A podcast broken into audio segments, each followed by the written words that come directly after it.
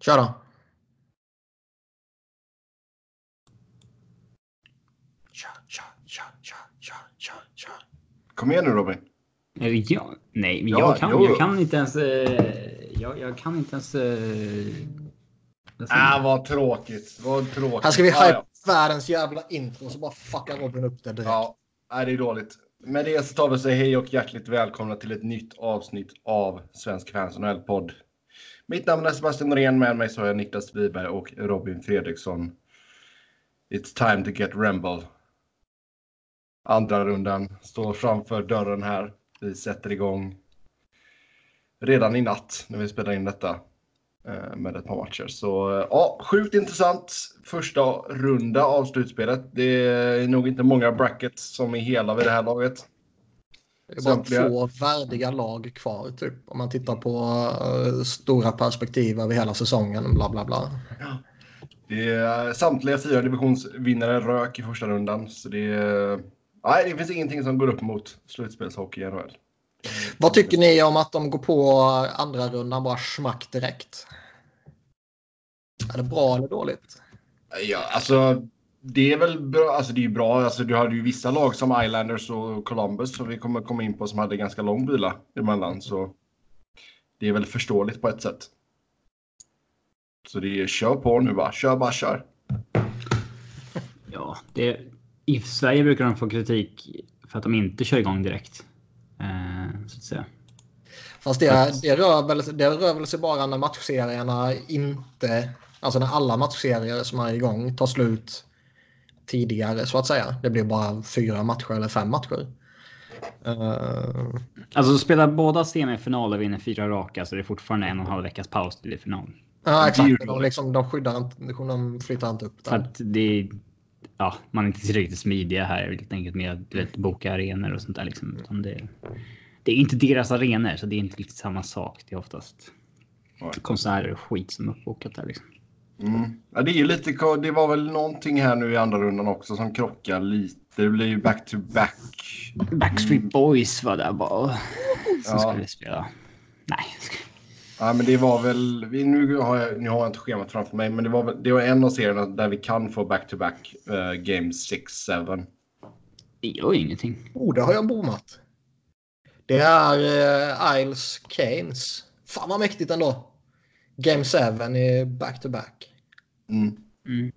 För det var någonting med den. Oh. Mm, Det borde vara så här. Det borde vara lag då eller regler på att det ska vara som typ eh, en gammal fotbollsturnering när man spelade själv när man var liten. De får, de får övernatta i omklädningsrummet med liksom eh, med sovsäckar. Det, De ska byta stad dock. Ja, men det, de kan spara lite bränsle och åka på samma, åka samma plan. Mm. Det är viktigt det här med carbon footprint och allting. Så, men visst, vi ska gå igenom det senaste som har hänt i ligan och sen så ska vi beta av första rundan och gå igenom och sen självklart ta en titt på andra rundan. Om vi börjar med lite nyheter. Vi betar av några kontrakt först här. Thatcher Demko tvåårsförlängd med Vancouver 1,05 i cap hit. Christian Folin Montreal ett år 800 000 och sen Nate Thompson Montreal en mille. Eh, och det var väl också eh, ett år på det va? Ja. Ja, alltså. Det känns ju som att Dem- Demko är den enda som är intressant. Uh, Ja, Demko är väl intressant? Demko är ju intressant. Men eh, alltså, han kommer ju ändå stå bakom Markström. Ja, det lär han nog få göra i något år till. det tror jag inte. Men short term. Jo. Ja, Markström kommer från en väldigt bra säsong. Så absolut. Han lär nog vara fortsatt etta i Canucks. Kommande år. Hur, hur, eh, hur bittra tror ni Jakob Markström är över att uh, Henke Lundqvist kommer till VM? För det kommer ju i, aldrig någonsin ske att Henke Lundqvist eh, inte spelar nej. när han kommer till VM. Jag tycker väl fan att han ska spela också. Nog för att han kanske haft en svagare säsong Kom, än han ska Markström. ju spela givetvis, jag menar inte så. Men uh, Markström... Ja, men många säger att Markström har haft en bättre säsong. Därför ska han spela typ. Men Det säger inte jag. Jag bara säger att uh, fan, han måste vara lite bitter ändå. Alltså han hade ju varit, gi- han hade ju varit given ett annars kan jag ju tycka. Ja, ja. Det, sen så lär de väl få stå, båda lär väl få stå i grund. Liksom. Det är klart de kommer att stå i gruppspelet och sådär. Ja. Men det enda som, ja, om nu inte Henke då givetvis är eh, tokusel, vilket jag skulle välkomna med öppna armar givetvis, så är det bara en skada tror jag som kan få dem till att inte spela Henke Lundqvist in i slutet. Det är mycket möjligt. Sen kan han ju få en, detta kan ju mycket väl vara hans sista VM liksom. Det, det kan nog vara en morot. Han kan nog klämma ut sig en bra turnering. Det tror jag. Jag har svårt att se att han taggar igång för ett VM. Det kanske han gjorde senast när han gick för VM-guldet. Uh, spelar med Bossan hela det där köret. Ja, Joel kommer ju inte vara med nu. Alltså, det var ju skönt. Han har ju sagt tack och hej till Tre Kronor här nu. Ja, det var skönt. Det är, Har du missat att det? det? är, det är märkligt att det är han som säger tack och hej till Tre Kronor 2019 och inte tvärtom. alltså på riktigt. Ja, Men, uh, nej, Joel ska ha cred ändå. Frölunda. Alltså. Joel har gynnats av att spela i Frölunda. Det är inte Frölunda som har gynnats av att ha Joel. De senaste fem åren. samtycker. Jag kommer fortfarande ihåg när jag... fan kan det här ha varit 2012 eller någonting? Tidigare tror jag. Se. Joel Lundqvist. Överskattad googlar vi på.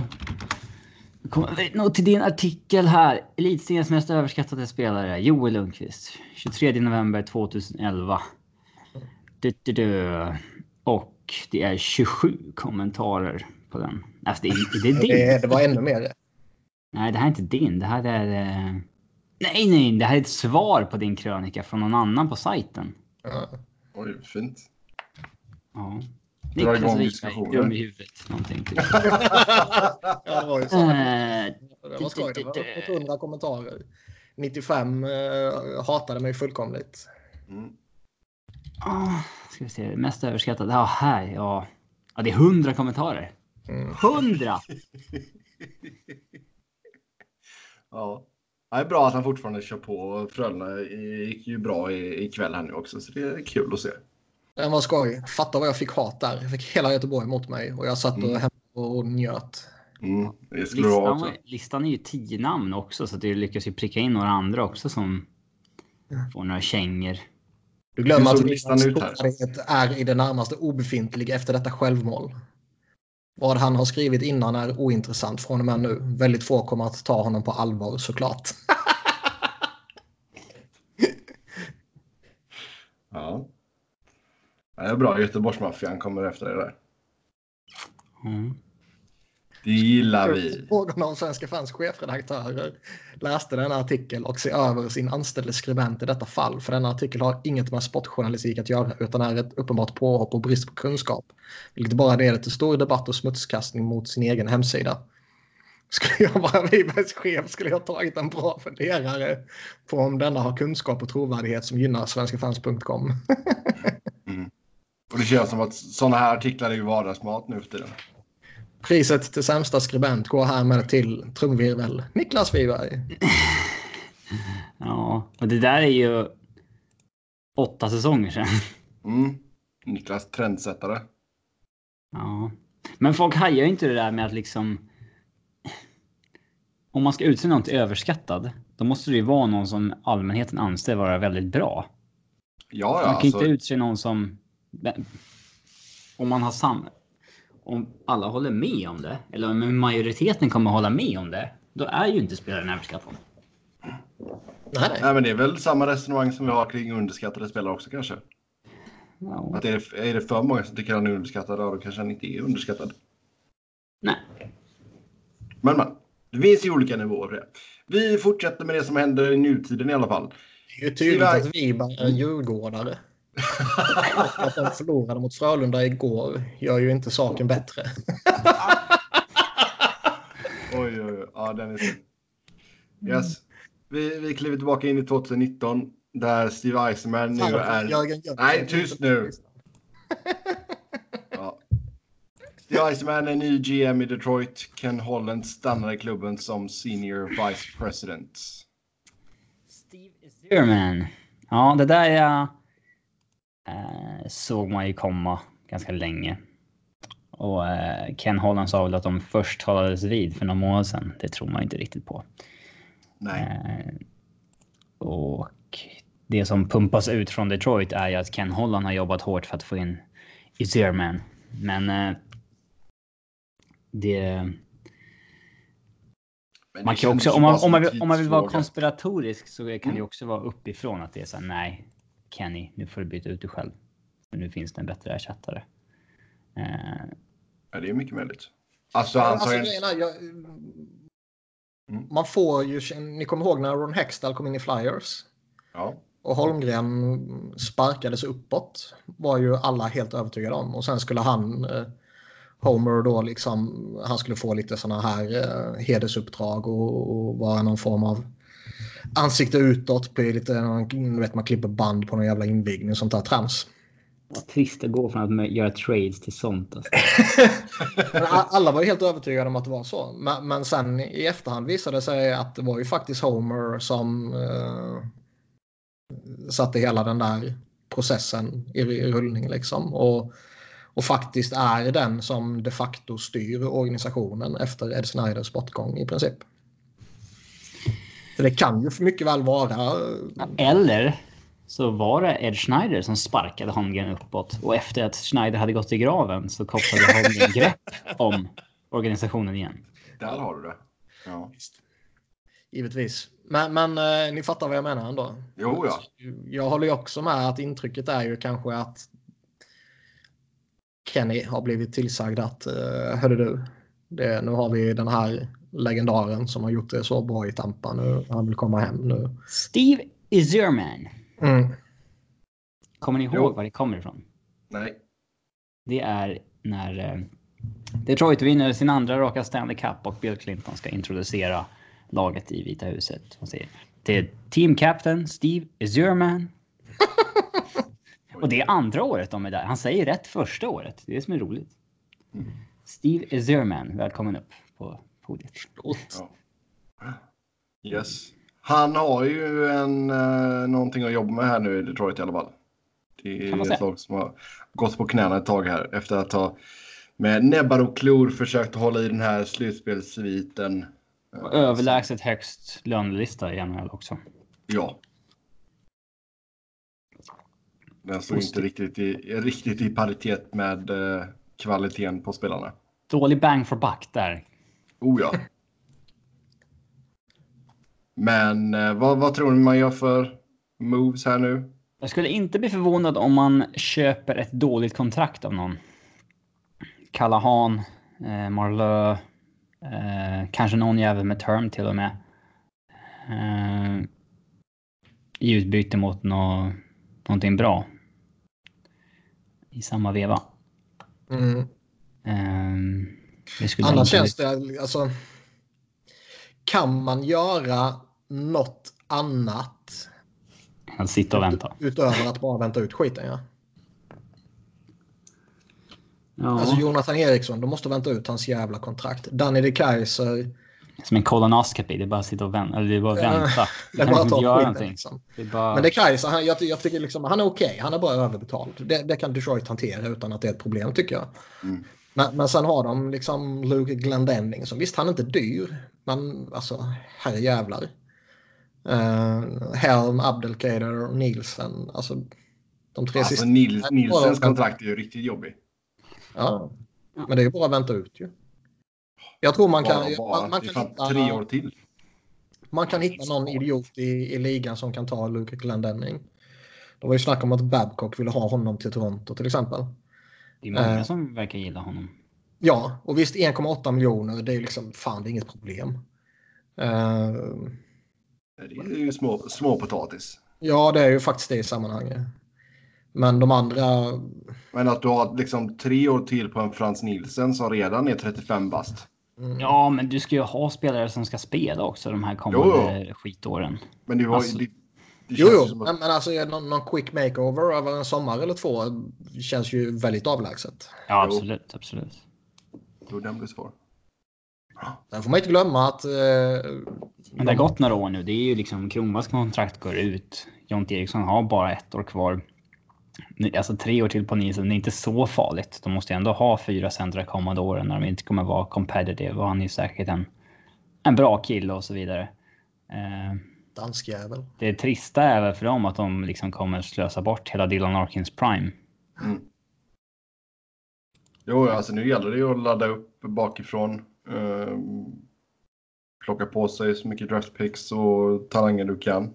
Och som sagt, visst kan du De har ju varit duktiga på det. De har ju samlat på sig jävla massa draftval den sista tiden här nu. Och Mm. eh, har ju några, några prospects som är intressanta.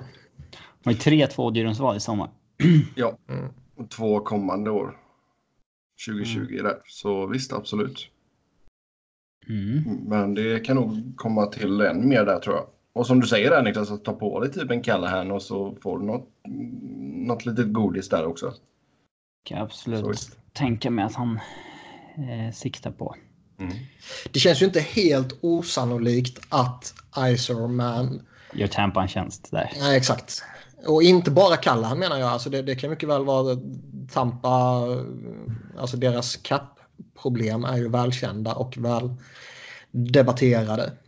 Så det kan mycket väl vara att han plockar med någon av de som kom fram under honom så att säga. Om det är en Tyler Johnson eller Palat eller Killorn eller vad det skulle kunna vara liksom. Ja, han. Girardi nu i sommar eller? Skitskraj för att Vigneault kommer vilja ha honom. Girardi men hade alltså- ju någon hållhake på Iceman. Mm. För vi, på så, sig. vi såg ju lite, Del Talon gjo- gjorde ju lite sådana grejer med Chicago när han var i Florida i, tidigare. Ja. Um, och det skulle ju inte förvåna om något liknande sker här faktiskt. Nej men visst, absolut. Callahan kan vi väl se. Och sen är det någon annan av de spelarna som Tampa känner att ja, men det kanske Och sen samtidigt kallar han liksom, vad fan ska han till Detroit för? Ja. Det är det som är det kluriga. Han har en moment-klausul. Och eh, skatteparadiset Tampa, competitive lag. Eh, Varför ska han vilja? Det är det som är det svåra. Men visserligen är han inte ifrån... Det är väl nästan hometown Detroit på honom. Han är väl från Rochester, Ja, Buffalo. han är från Rochester ja. Det är ju gångavstånd typ. Alltså för att vara USA är det ju gångavstånd. Ja, men det är typ 10 mil. Eller 5 mil kanske. Det är inte Nu får vi dra upp Google Maps här. Rochester. Ja. Alltså det är typ, det är ju cykelavstånd om man jämför med hur stort USA är. Ska vi se. Rochester, New York, directions till Detroit. Okej, det är Chicago. 15. Det är fem och en halv timme med bil. Ja. Det är ju du- Det bästa är att snabbaste vägen är att köra genom Kanada. Ja, ja. Men jämför det med att flyga från eh, Tampa till Vancouver. Liksom. Jo. Men det är hans hemområde där, Detroit, Toronto, Buffalo. Det har ju Columbus, Pittsburgh där också, men... eh, eh, ja, det är kanske det som eh, gör en strimma hopp då. Till... eh, Jo, men sen vi snackar ju om dem. avlägset liksom. Vad fan. Man sticker inte till Detroit nu för att göra laget som vill bli av med dig en tjänst. Nej, men vi har ju sett. Jag säger alltså typ gå tillbaka till Rangers om han nu trivs på Manhattan och är Rangers. Ja, det, det är väl inte helt osannolikt och det spekuleras ju lite eh, om det. retirement home i Arizona. Ja. Alltså Detroit. Fy fan. Jo, men där kan man ju titta på de som inte har no movement. Typ en JT Miller kanske. Ja, och, eh, man kan ju mycket väl hitta någon Killorn eller Palat eller Johnson som har no trade-klausul men som har eh, inte full tror jag. Eh, inte alla i alla fall. Och då eh, kanske Detroit är ett alternativ. Ja, men ska vi se här. Johnson har nu... Till 2021 har han full. Uh, Palat har 20 team trade list.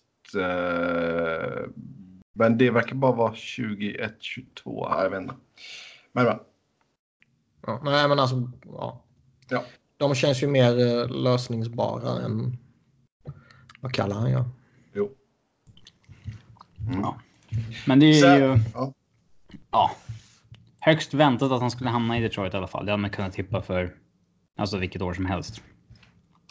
Man, man började ju inte tvivla, men eh, det kom ju Jag trodde kanske inte att det skulle vara nu när Detroit hade.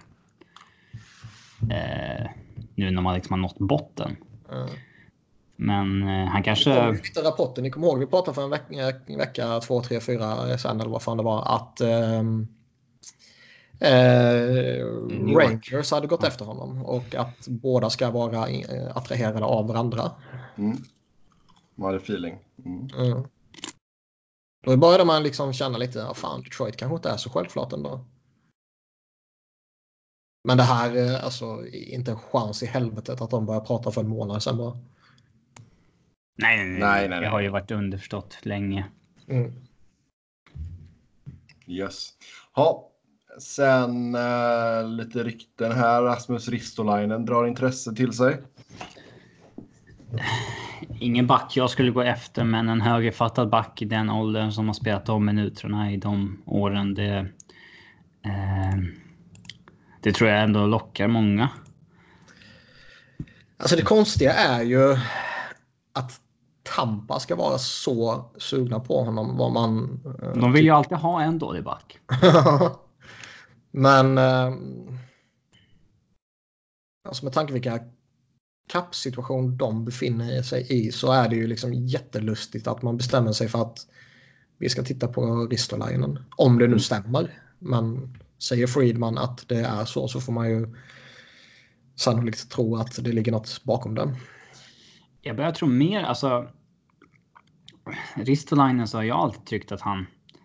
Han är en hygglig back, men som har, liksom har fått en jättestor roll i ett dåligt lag och liksom är överväldigad. Men Mm. Börjar nog mer och mer luta åt att han kommer gå en liksom Bogosian eller Jack Johnson-väg i karriären där liksom bara planas ut till skit till slut. Jag är inte lika övertygad om det. Eh, man skulle nog vilja se honom någon annanstans innan man eh, får den känslan känner jag. Mm. Jo, alltså jag håller med om det där att han fick en alldeles för stor roll i, från början. Absolut. Det, det fick han. Men vi får väl se ifall det händer någonting på den fronten. En annan back som det spekuleras om det är Jacob Truba som inte ska vara redo att ta ett billigare kontrakt. Det har ju redan varit lite frostigt där mellan han och Winnipeg. Ja, det var väl var det, det. Nej, det var inte det här. Det var hans förra kontrakt Ja, som signades i november.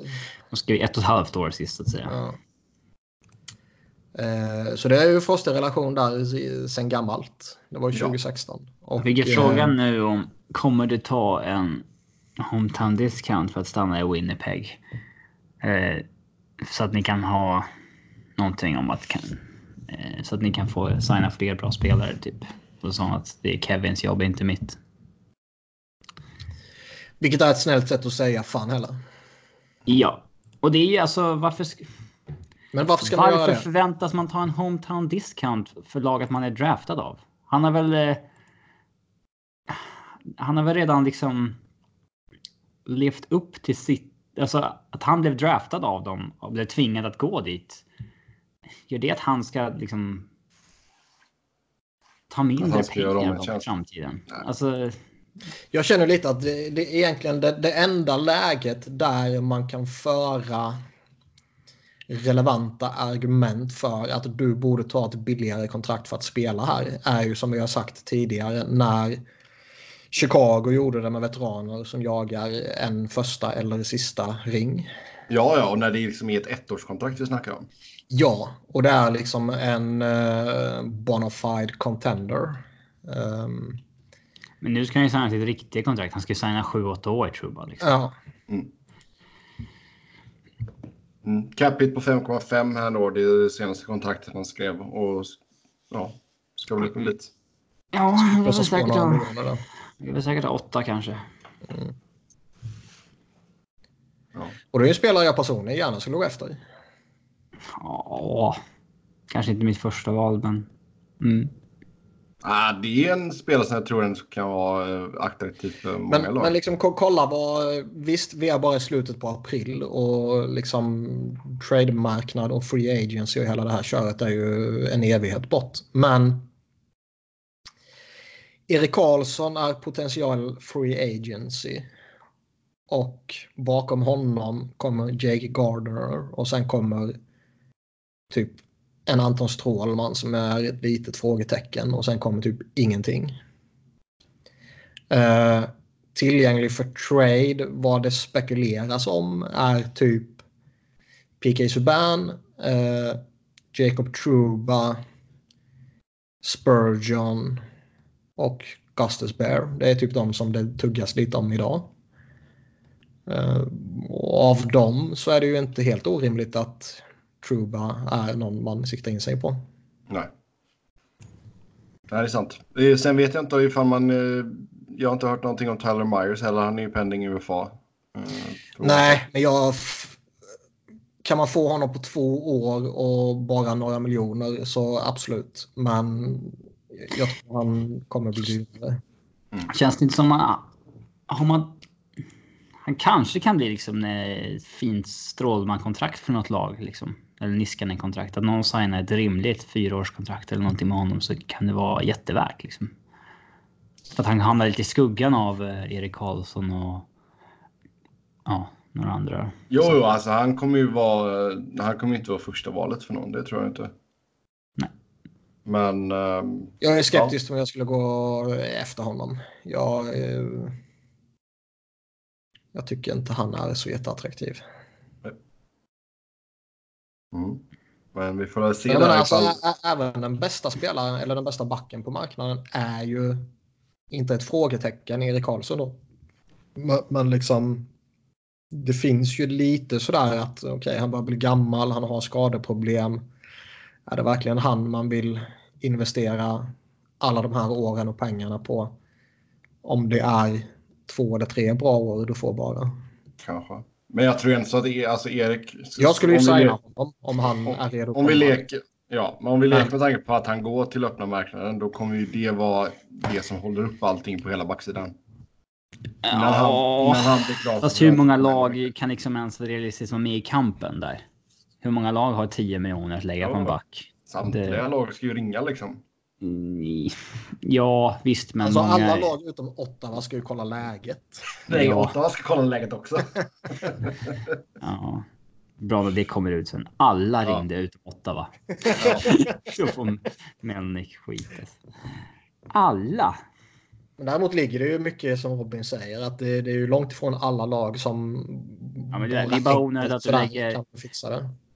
det är ju liksom eh, vad ska man jämföra med? Men när free portarna är öppna, det är ju liksom så här. Uh, om alla slåss om samma grej så kan det ju vara någon annan som tar det näst bästa. Så att mm. du, du, du, Alla kanske inte anser att det är smartast att slåss som Erik Karlsson. Där, där, har vi ju den här fördelen med den här intervjuperioden. Mm. Ja. Där de så uh, självklart inte pratar om några pengar. Nej, nej, nej, nej givetvis. Nej, nej. Det är ju strikt förbjudet.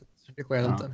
Men jag, alltså, om Karlsson skulle nå free agency, vilket jag personligen fortfarande är lite skeptisk till, eh, så borde det ju rimligtvis bli något liknande som Tavares. Mm. Jag hoppas ju att alla gör sådana här liksom, filmer om sina städer och allt sånt där. Mm. Det får inte bara vara en powerpoint-presentation utan det ska vara du tar någon sån här influencer från YouTube eller någonting som får göra någon vlogg om stan bara, det, detta är liksom varför du ska komma hit. Det, ja. det ska vara en riktig courtship här verkligen. Visa den där eh, riktigt fina strippklubben där och den där riktigt fina baren där och bla bla. Ja, ja. tacotrucken där och du vet. Ja, det är bra grejer. Yes, eh, sen eh, Pittsburgh här. Snacka om att det här kan vara sista året med den nuvarande kåren och eh, Rutherford har pratat om att en back förmodligen kommer att försvinna att det här var sista året eller att det här kommer vara det sista året? Att det, den nuvarande säsongen var det ja, sista kan ha varit. Att kommande säsong blir Vad räknas som kåren då? Alltså det var ju, jag tror det var... Det är typ bara tre spelare var... som känns som kåren där med. Det är ju Malkin, Crosby och Letang. Ja, och jag tror det var Friedman borde det ha varit som slängde ut Letangs namn. Ja, det är väl den minst logiska att skeppa med tanke på Ja, det är klart man inte skeppar Crosby, men alltså. Varför? Det finns ju många kontrakt jag skulle flytta i Pittsburgh innan det tang. Jag skulle definitivt inte flytta på honom. Backsidan är ju för bedrövlig i övrigt. Det är den bästa backbesättningen de har haft enligt Rutherford. Ja, de har aldrig haft en nu, bra måste, back. nå, nu måste ju någon försvinna tyvärr. ja, man måste ju faktiskt få plats med både Branson och Johnson. Ja.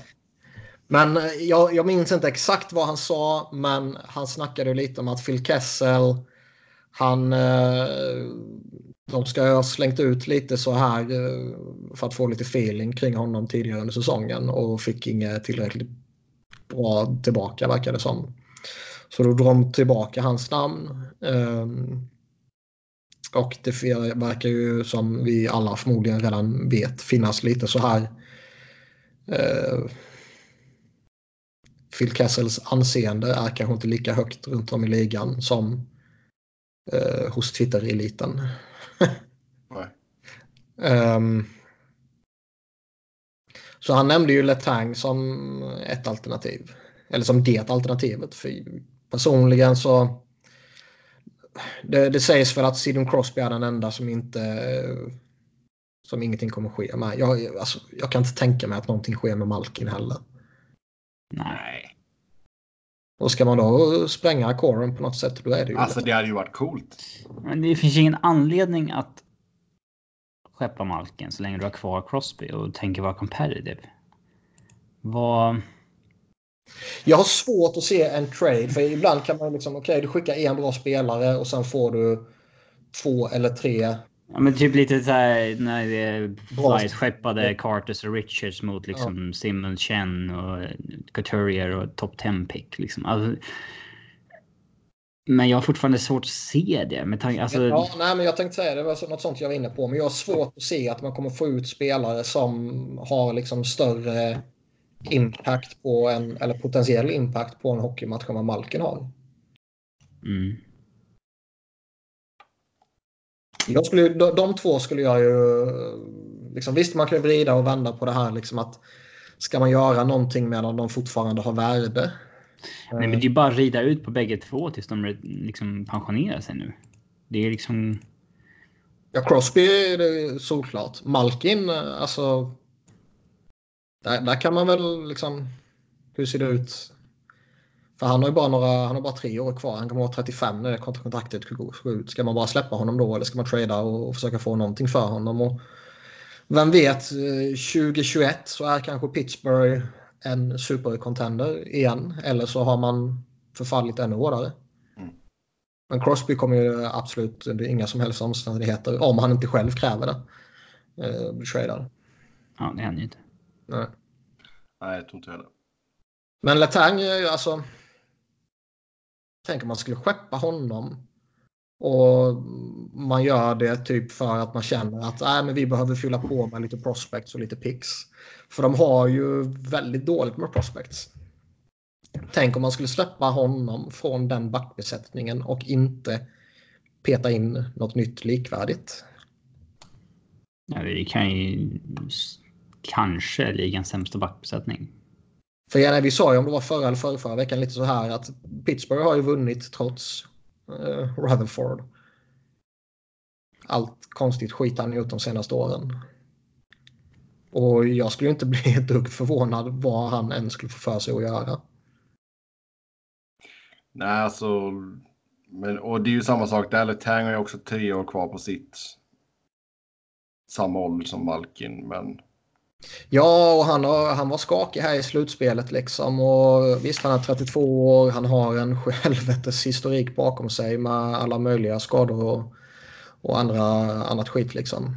Um, Jo, men sätter man det... Så man, man, kan ju hitta argument, men... Jo, men det är, liksom, de, de, de det är för dåligt bakom. Liksom, nej, jag menar det. De argumenten, om det inte är så att du får något likvärdigt tillbaka, givetvis. Ja. Men var, och då, då liksom varför ska man då ens göra det? Nej, och de argumenten överskuggas ju då av att det bara uteslutande är skit bakom honom. Mm. Ja, men om vi, om vi leker med tanke på... Han har inte varit dålig i grundserien liksom. Nej, nej, nej. Men om vi säger att han kommer stanna då och Rutherford fortfarande vill skicka en av backarna här. Vem, vem tror ni att det blir? Det borde ju vara de två som han nyss har skaffat. Han har ju visserligen inte varit rädd för att skeppa spelare han nyss har tagit in förut. Det har han gjort Nej. flera gånger de senaste åren. Mm. Men jag tror ju fortfarande inte att det blir så. Det blir väl kanske Molly Mätare och det. Han har ju kört fast. Så det... Friedman nämnde ju honom också. Att uh, de har försökt det i flera år nu men... Uh, liksom... Får väl inte value liksom. Nej, de tycker det. Men de har liksom sex backar som ligger på över 3,25 i lön. Och en pissusel backsida typ. Uh, eller de har nog sämst bang for buck på backsidan av alla. Så att... Uh, ja, är man friska så är det väl okej, okay, men... Ja. Alltså ska man göra något på Coran så är det ju bara Phil Kessel. Mm. Ja, där kan man i alla fall se ett argument för att man vill föryngra runt eh, toppspelarna. Ja. Eh, en till Jake Günther liksom. Eh, mm. Kessel. Det kan ju vara liksom. Hans värde kommer ju sjunka. Eh, kommande år. Ja, men han är ju fortfarande ändå en... Uh...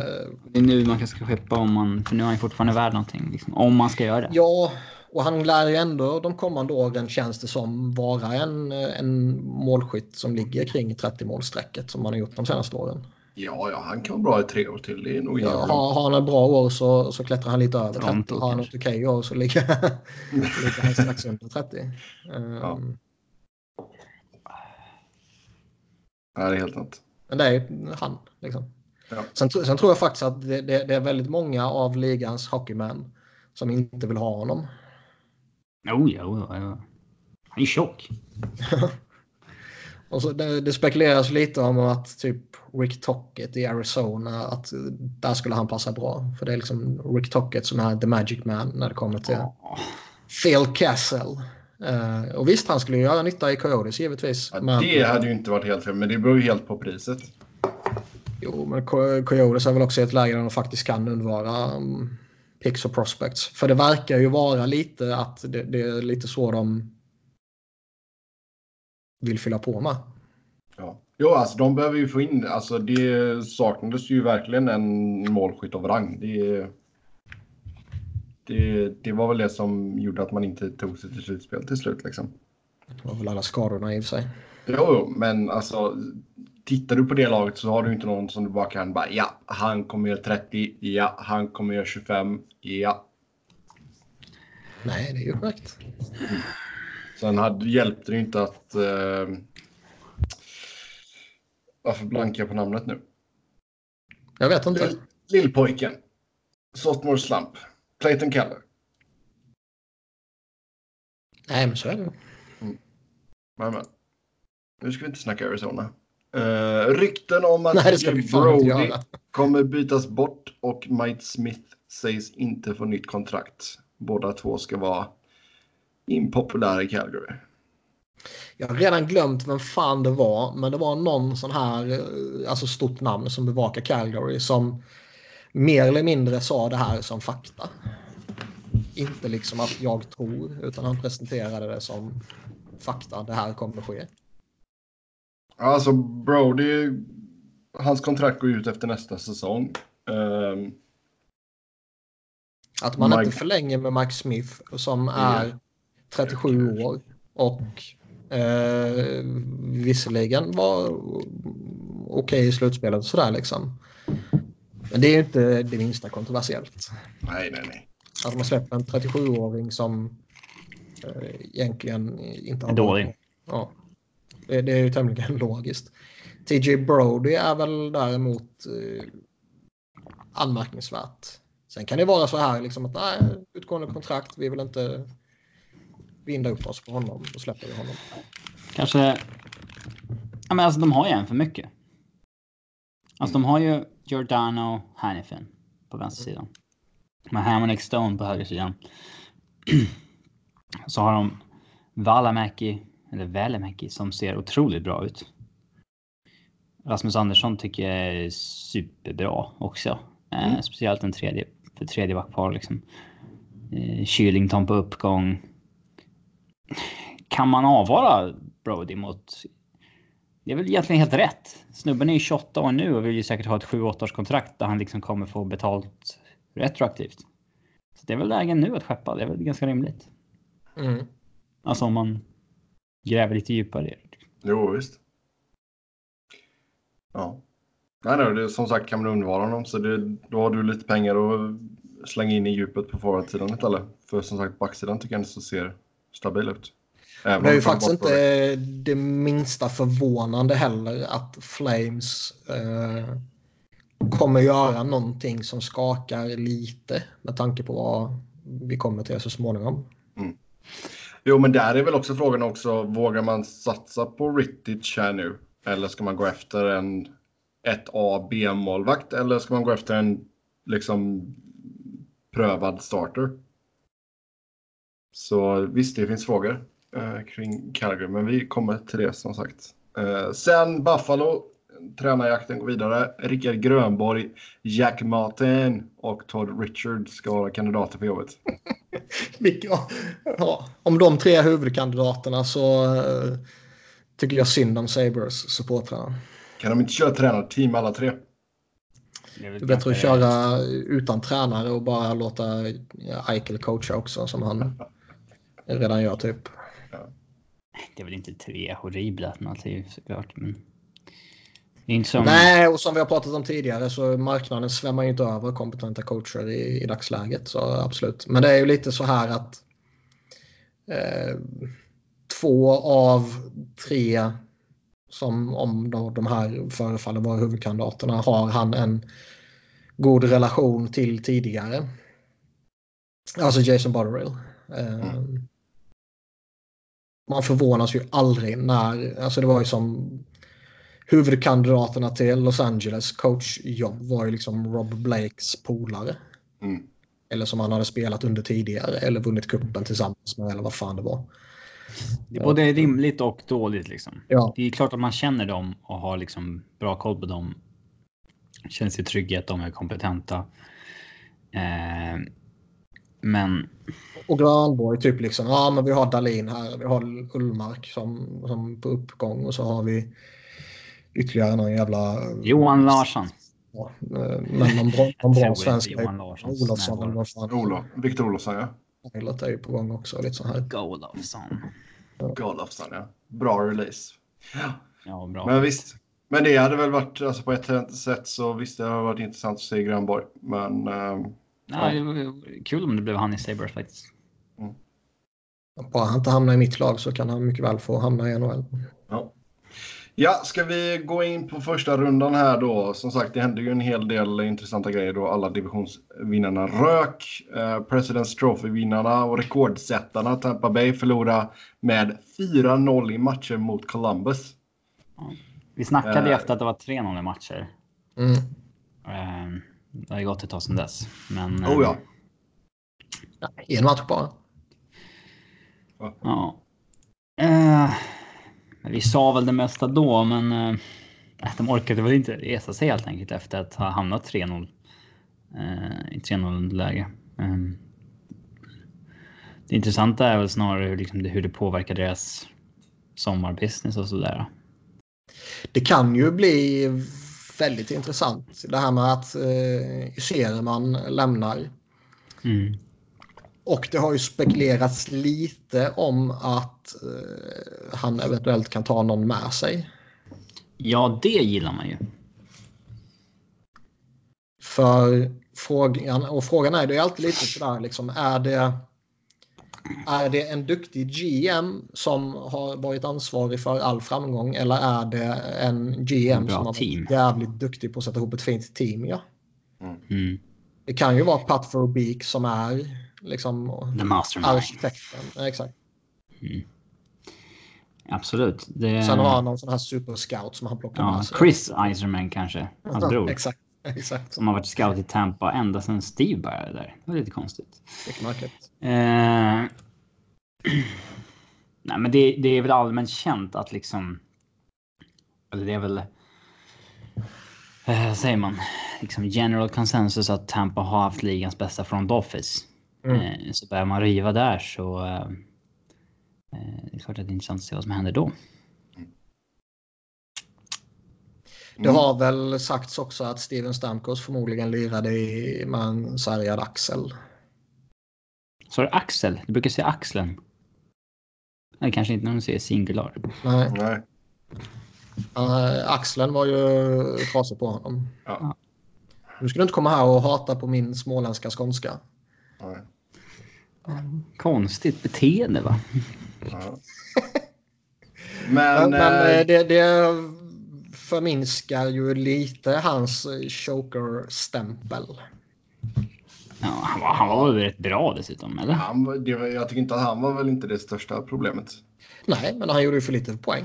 Han som gjorde mest Och- poäng var ju Stora backen. stjärna och kapten. Eh, Vad sa du? Den som gjorde mest poäng var ju backen Erik Sternak på tre Ja. assist. Men liksom o- om din stora stjärna eller en av dina tre stora stjärnor typ, eller vad man nu ska definiera honom som. Ja. Och lagkapten och 45 målsskytt och 98 poängspelare bara gör 1 plus 1 när du som President's Trophy vinnande lag blir svepta av Columbus fucking jävla Blue Jackets. Det är ju under inga som helst omständigheter OK. Nej, nej. Nej, men det är en eh, kollektiv kollaps som man säger. Oh, ja. Men man måste ju peta ut någon jävel som ska få eh, ja, men då, ska jag, då, tycker jag, då tycker jag väl att... Och Ja, men jag- igenom. Och han var inte tillräckligt bra.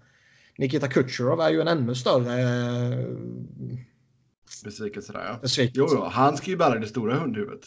Och liksom va- varför, som vi pratade om tidigare, har jag för mig. Varför får han inte så mycket mer skit för den jävla idiottacklingen han sätter så han blir avstängd? Jag vet inte. Hockey är en eh, oerhört förlåtande sport vad det gäller själviska tilltaganden som sätter laget i en horribel sits för att vara en så kallad lagsport där man alltid pratar om team effort och laget först och så vidare. De är a bunch of jerks allihopa. Nej, men jag tycker Kucherov, som sagt, det, det hjärnsläppet kostade dem otroligt mycket. Han- Han var borta en match. Det borde de klarat. Men Det är klart man ska göra det, men han var ju usel i övrigt också. Ja. Sen ska vi Sen- ge cred till Columbus. Nej. Man, Det, det, är klart, eh, det är klart man ska credda Columbus, men det går ju inte att prata den här eh, matchserien utan att lägga typ 97% fokus på Tampa Bay. Och det är århundradets flopp. Ja. Vi snackade ju fan om Stanley Cup eller bust. Och de blev svepta i första rundan. Ja, ja, visst. Jo, alltså det är ju en av de största Det är det största. flopparna. Det är den största. Det är den största, okej. Ja. Alltså det tycker jag utan att ha eh, levt under hela ligans existens och utan att vara eh, någon form av historisk expert. Men ändå tror jag mer insatt än många eh, casual fans så att säga. Så är ju det här eh, utan tveklöst en av de absolut, absolut, absolut största eh, misslyckandena. Mm. Men som sagt, lite, de här andra tre procenten så får vi ge Columbus lite cred då för speciellt spelet i defensiven. Eh, där man gör ett kalasjobb verkligen.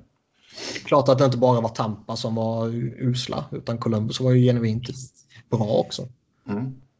Fick lite, man har fått en jävla injektion av eh, Texier som har kommit in, Peter Wennberg. Han är ju faktiskt... Eh, alltså Columbus, de har, de har ändå ett gäng spelare som är rätt underhållande. Panarin talar för sig själv liksom. Jag tycker Jones och Varensky talar för sig själva också. Och sen har de någon, eh, liksom Dubois kan vara rolig och Duchene när han är på humör kan vara rolig och, och lite sånt där liksom. Men Texier har fan varit, han har varit en riktigt frisk fläkt.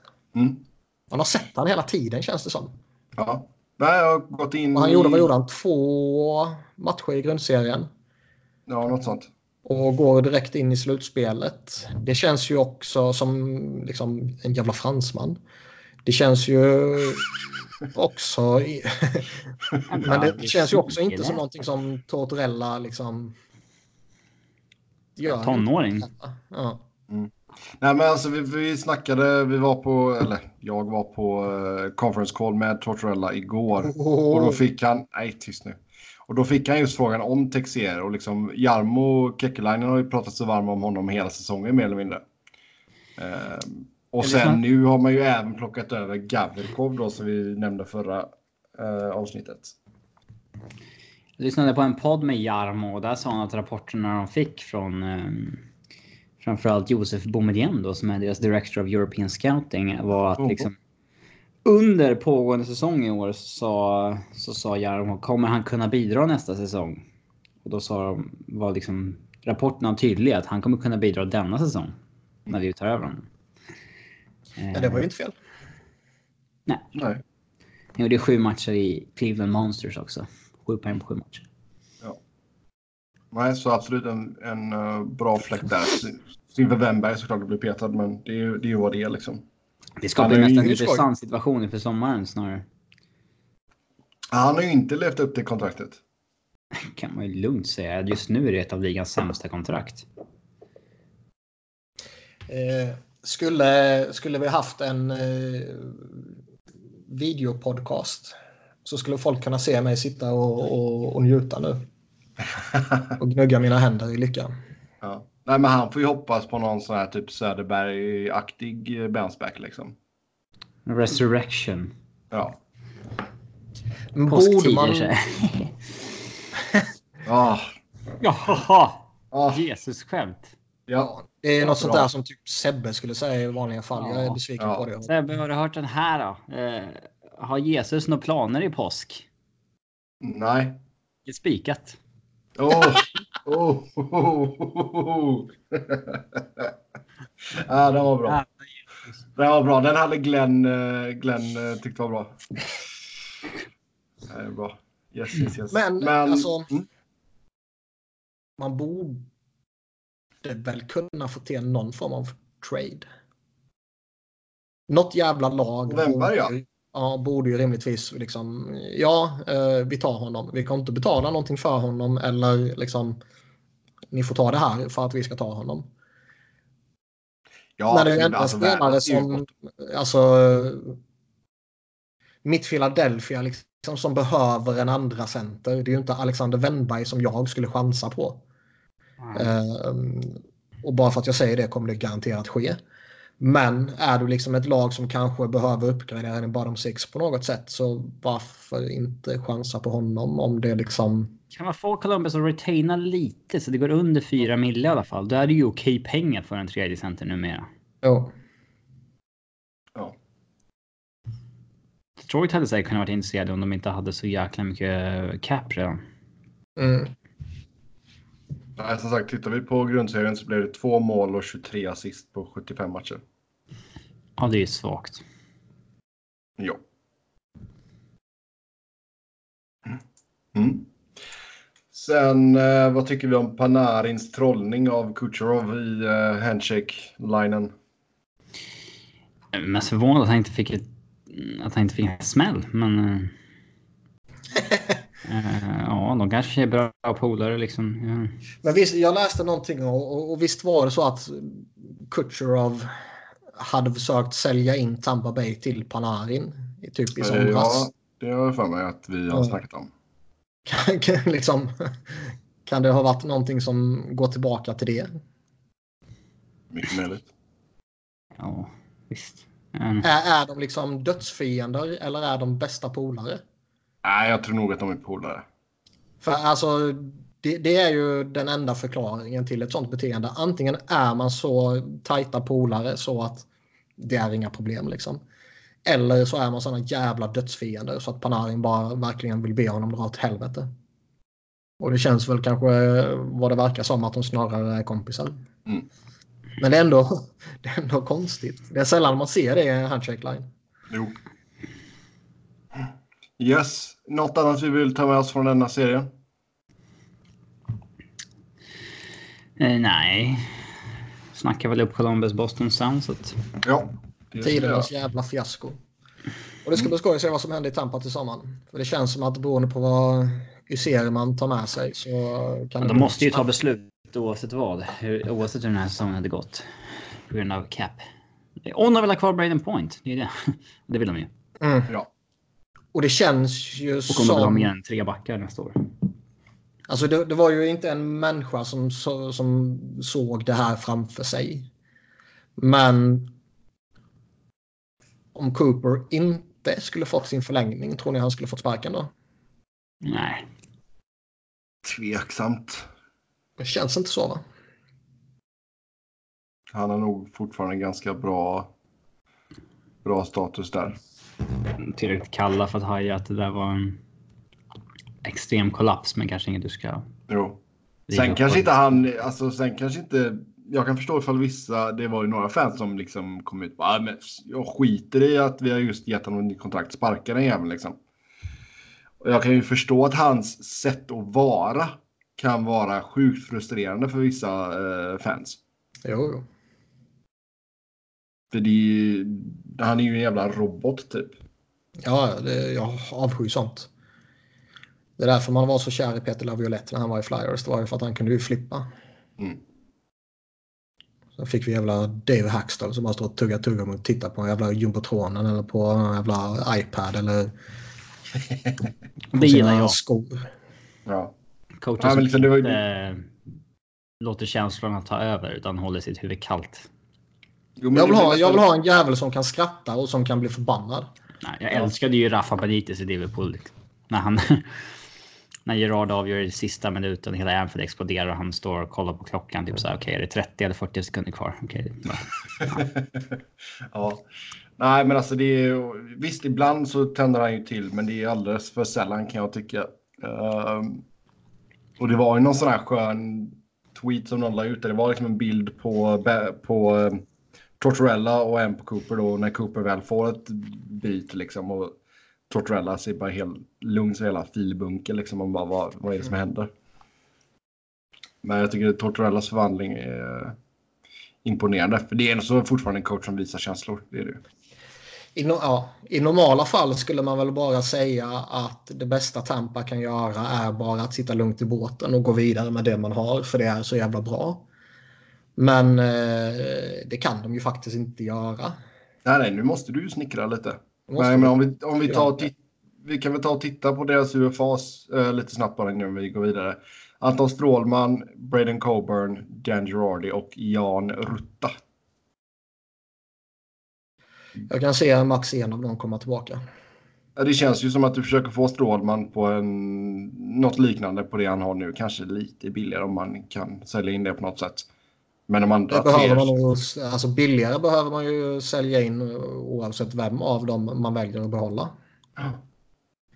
Ehm, för det känns som att alltså Hedman och McDonough, Sergachev och Cernak är ju där för att stanna givetvis. Inte bara för att de har kontrakt som sträcker sig längre än den här säsongen utan de är genuint bra ju. Mm. Och sen ja, försöka få tillbaka någon av dem, förslagsvis Strålman då och, och hitta någon annan billig lösning utifrån. Jo, men för jag menar, där, och där tror jag att du kan ha ett...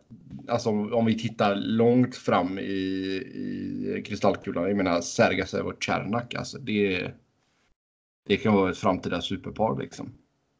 Mm. Så... Mm. Nej, det blir intressant att följa som sagt. Vi går vidare till nästa serie. Boston-Toronto. Där vann Boston med 4-3 i matcher igen. Ja, det var ju kul. Man hoppades ju verkligen på Boston där på, eh, där på slutet. För att man är team chaos så att säga. Oh ja. Eh, det ska bli ruskigt intressant att se hur eh, Toronto hanterar det här debaclet att ryka i första rundan. Det var ju Igen. intressant idag alltså när både Babsan och, och Dubas snackade. Dubas vägrar, eller vägrar, men han, eh, han gav ju inte direkt något vote of confidence. Och Babcock skyller ju på alla utom sig själv typ. Ja. Eh, han liksom... De är uppenbart inte på samma page alltså. Nej, det, det är ju... Märks över hela året. Ja, Alltså, ja, alltså, fort, när, när Babsan ger intervjuer så det känns alltid som att det är någon form av degg mot le- le- ledningen så, i någon form hela tiden. Jo. Eh, det, Sen gjorde det- han konstiga grejer alltså. han gjorde inga grejer. Det var det som var grejen. Ja det, ja, det var väl det som jag menar är konstigt då. Att han bara rullar på fyra kedjor. Han spelar som fjärde kedja i Ja, jag jagar underläge och, och liksom, man spelar inte sina skickligaste spelare mer och, och liksom det är konstig fördelning i powerplay och Men att det där är ju var hans... ju jävla kaos. det där med att rulla på fyra kedjor, det, det är ju hans modell. Och det är den som har tagit honom hit liksom. Det är ju hans stil. Och det, det har ju varit förlåtande så länge de har vunnit. Så länge Detroit har vunnit, så länge Toronto har vunnit. Men nu när man ryker i första rundan tre år i rad. Eh, jag såg en Detroit-supporter som skrev någonting om att jag är liksom i rundan mot, Chicago, mot San Jose 2000, vad var det? Då hade liksom Pavel Datsuk ett byte mer än Patrick Eves i sista perioden när de var tvungna att vinna för att inte åka ur. Mm. Det, är liksom, det är ju hans stil och den kör han på. Ja, och det är det eh, som vi har pratat om så många gånger med coacher, att det är så jävla märkligt att de bara har en grej de gör.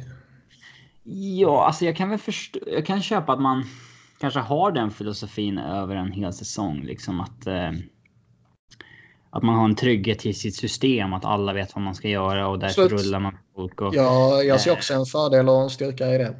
Eh, men liksom när det är 20 minuter kvar, du måste göra en, två mål. Då kan fan inte Freddie Gauthier spela bara någon minut mindre än Austin Matthews. Det, där måste man liksom vara beredd att tumma på det. Mm. Eh, menar, titta på... Nu vill jag lite hemmakär så här på slutet, men liksom titta på när Ävs jagar kvittering mot Calgary och liksom Landeskog, McKinnon och Rantanen spelar typ så här tre och en halv av de sista fyra minuterna. Det... Ja, Vegas slänger ut sex forwards när de jagar kvittering i Game 7. Liksom. Ja. Visserligen för att de inte har den där backen. men... Nej, men ändå. Det är ändå sex forwards. Jo. Ja. Eh... Och det där... Det... Ska... Ska man ha ett lagbygge som Torontos med superdyra toppspelare så att man tvingas signa snorbilliga depthspelare. Då kan man inte ha en modell där man rullar på alla lika mycket. Nej. Och framförallt alltså, han står här idag och pratar om att vi, vi behöver bli ännu djupare. Men, men det liksom, går ju inte när man har signat de här spelarna. Alltså... Det går ju knappt ens i lönetakseran och det går ju i synnerhet inte när man har den här eh, kontraktsfördelningen som, som, du är inne på. Liksom.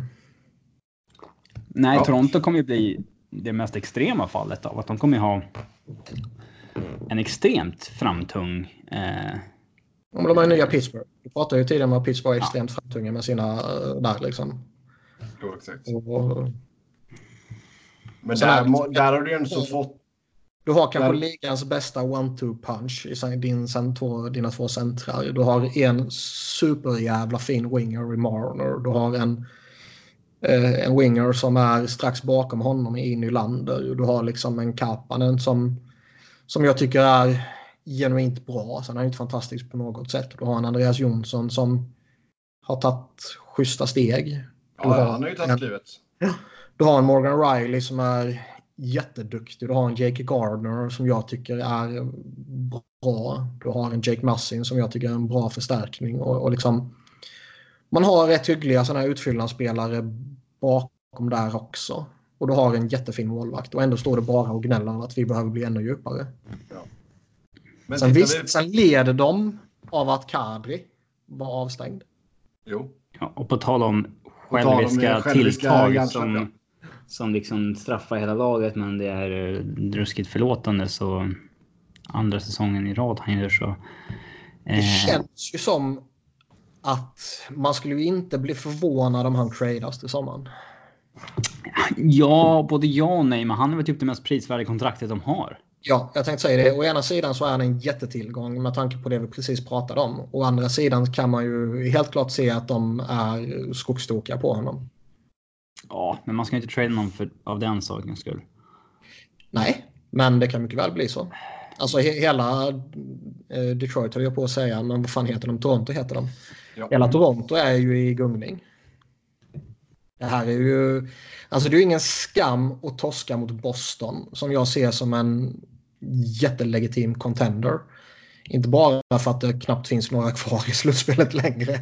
Utan liksom även inför slutspelet. Ehm, det är ju på inga sätt en skam att torska mot dem i sju matcher. Absolut inte. Men eh, att åka i första rundan igen är ju ett misslyckande. Ja, det är det. Man, jag tänkte säga det. Eh, Om vi tar och tittar på Babcock här nu de senaste sex åren.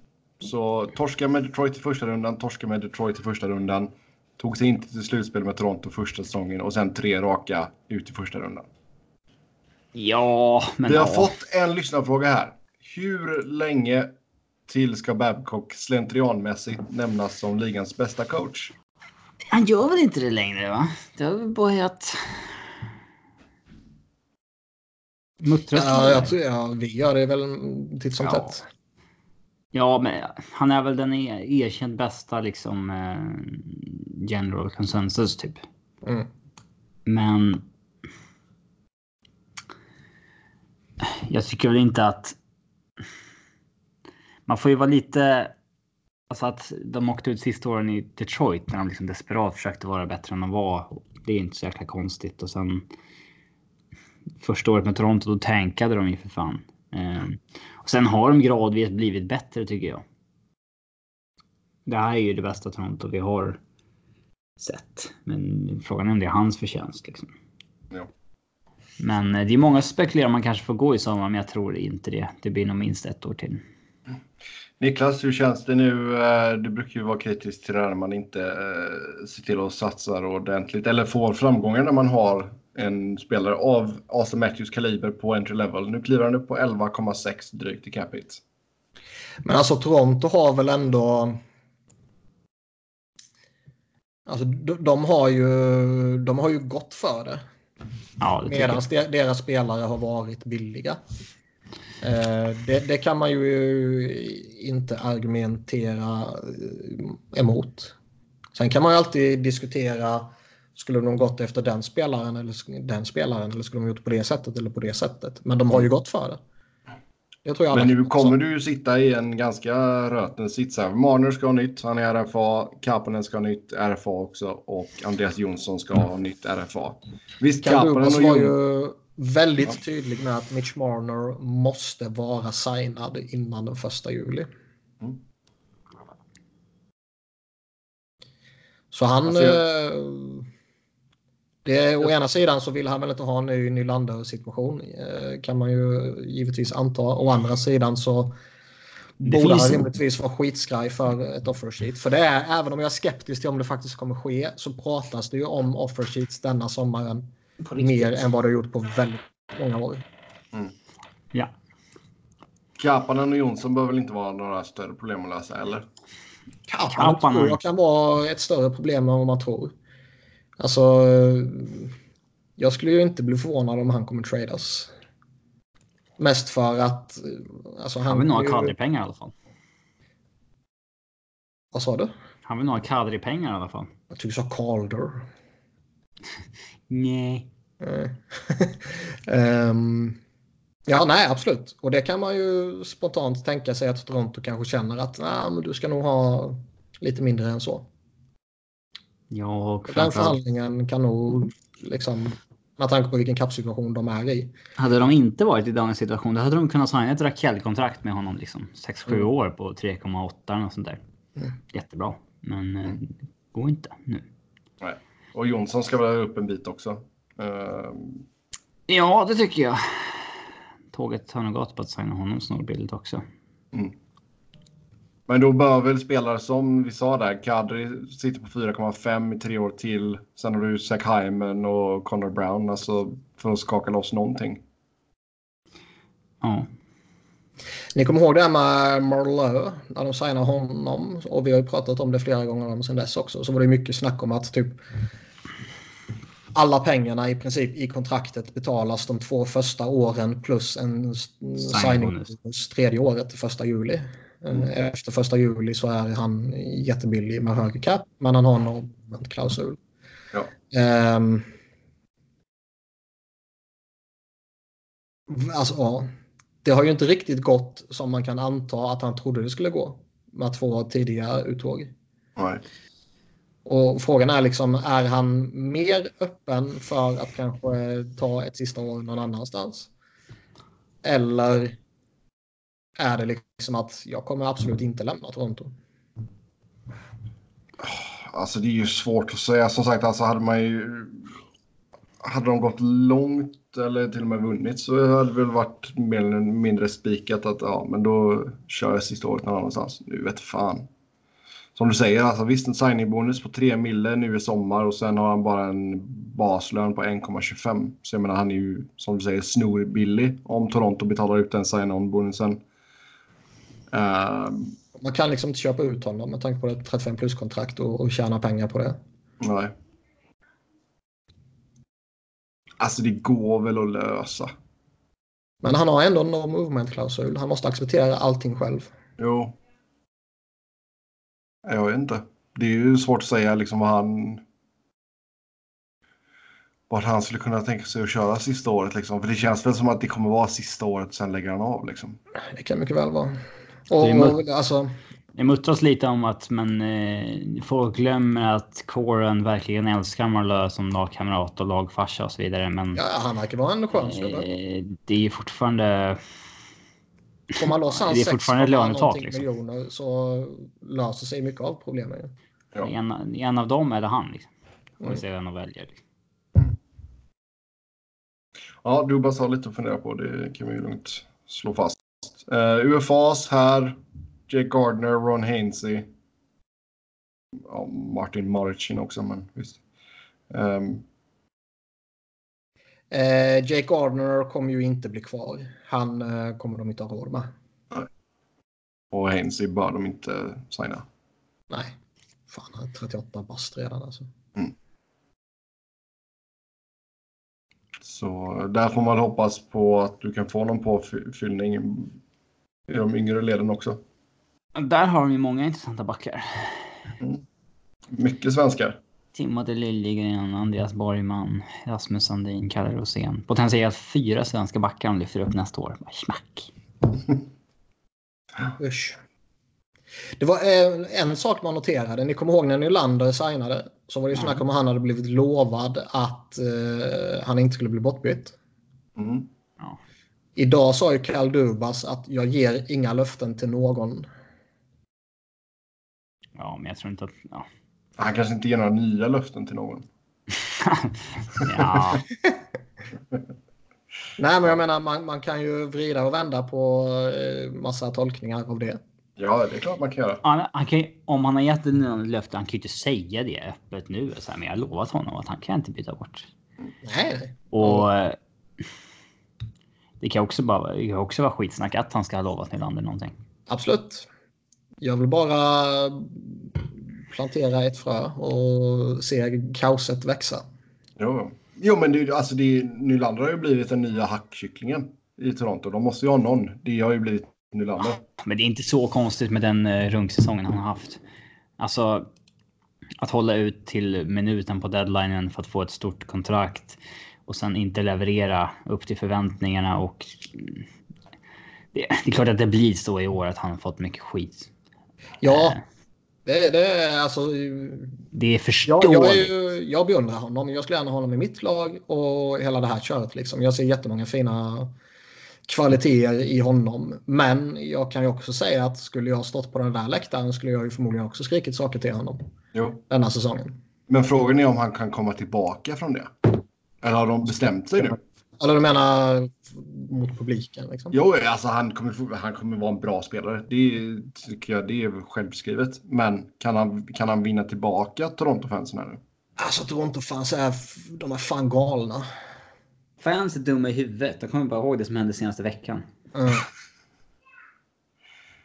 Så ja, ja, vi får se det. Men visst, alltså det är, jag menar, ska han hamna på marknaden? Det är spelare som jag gärna hade sett i mitt lag, absolut.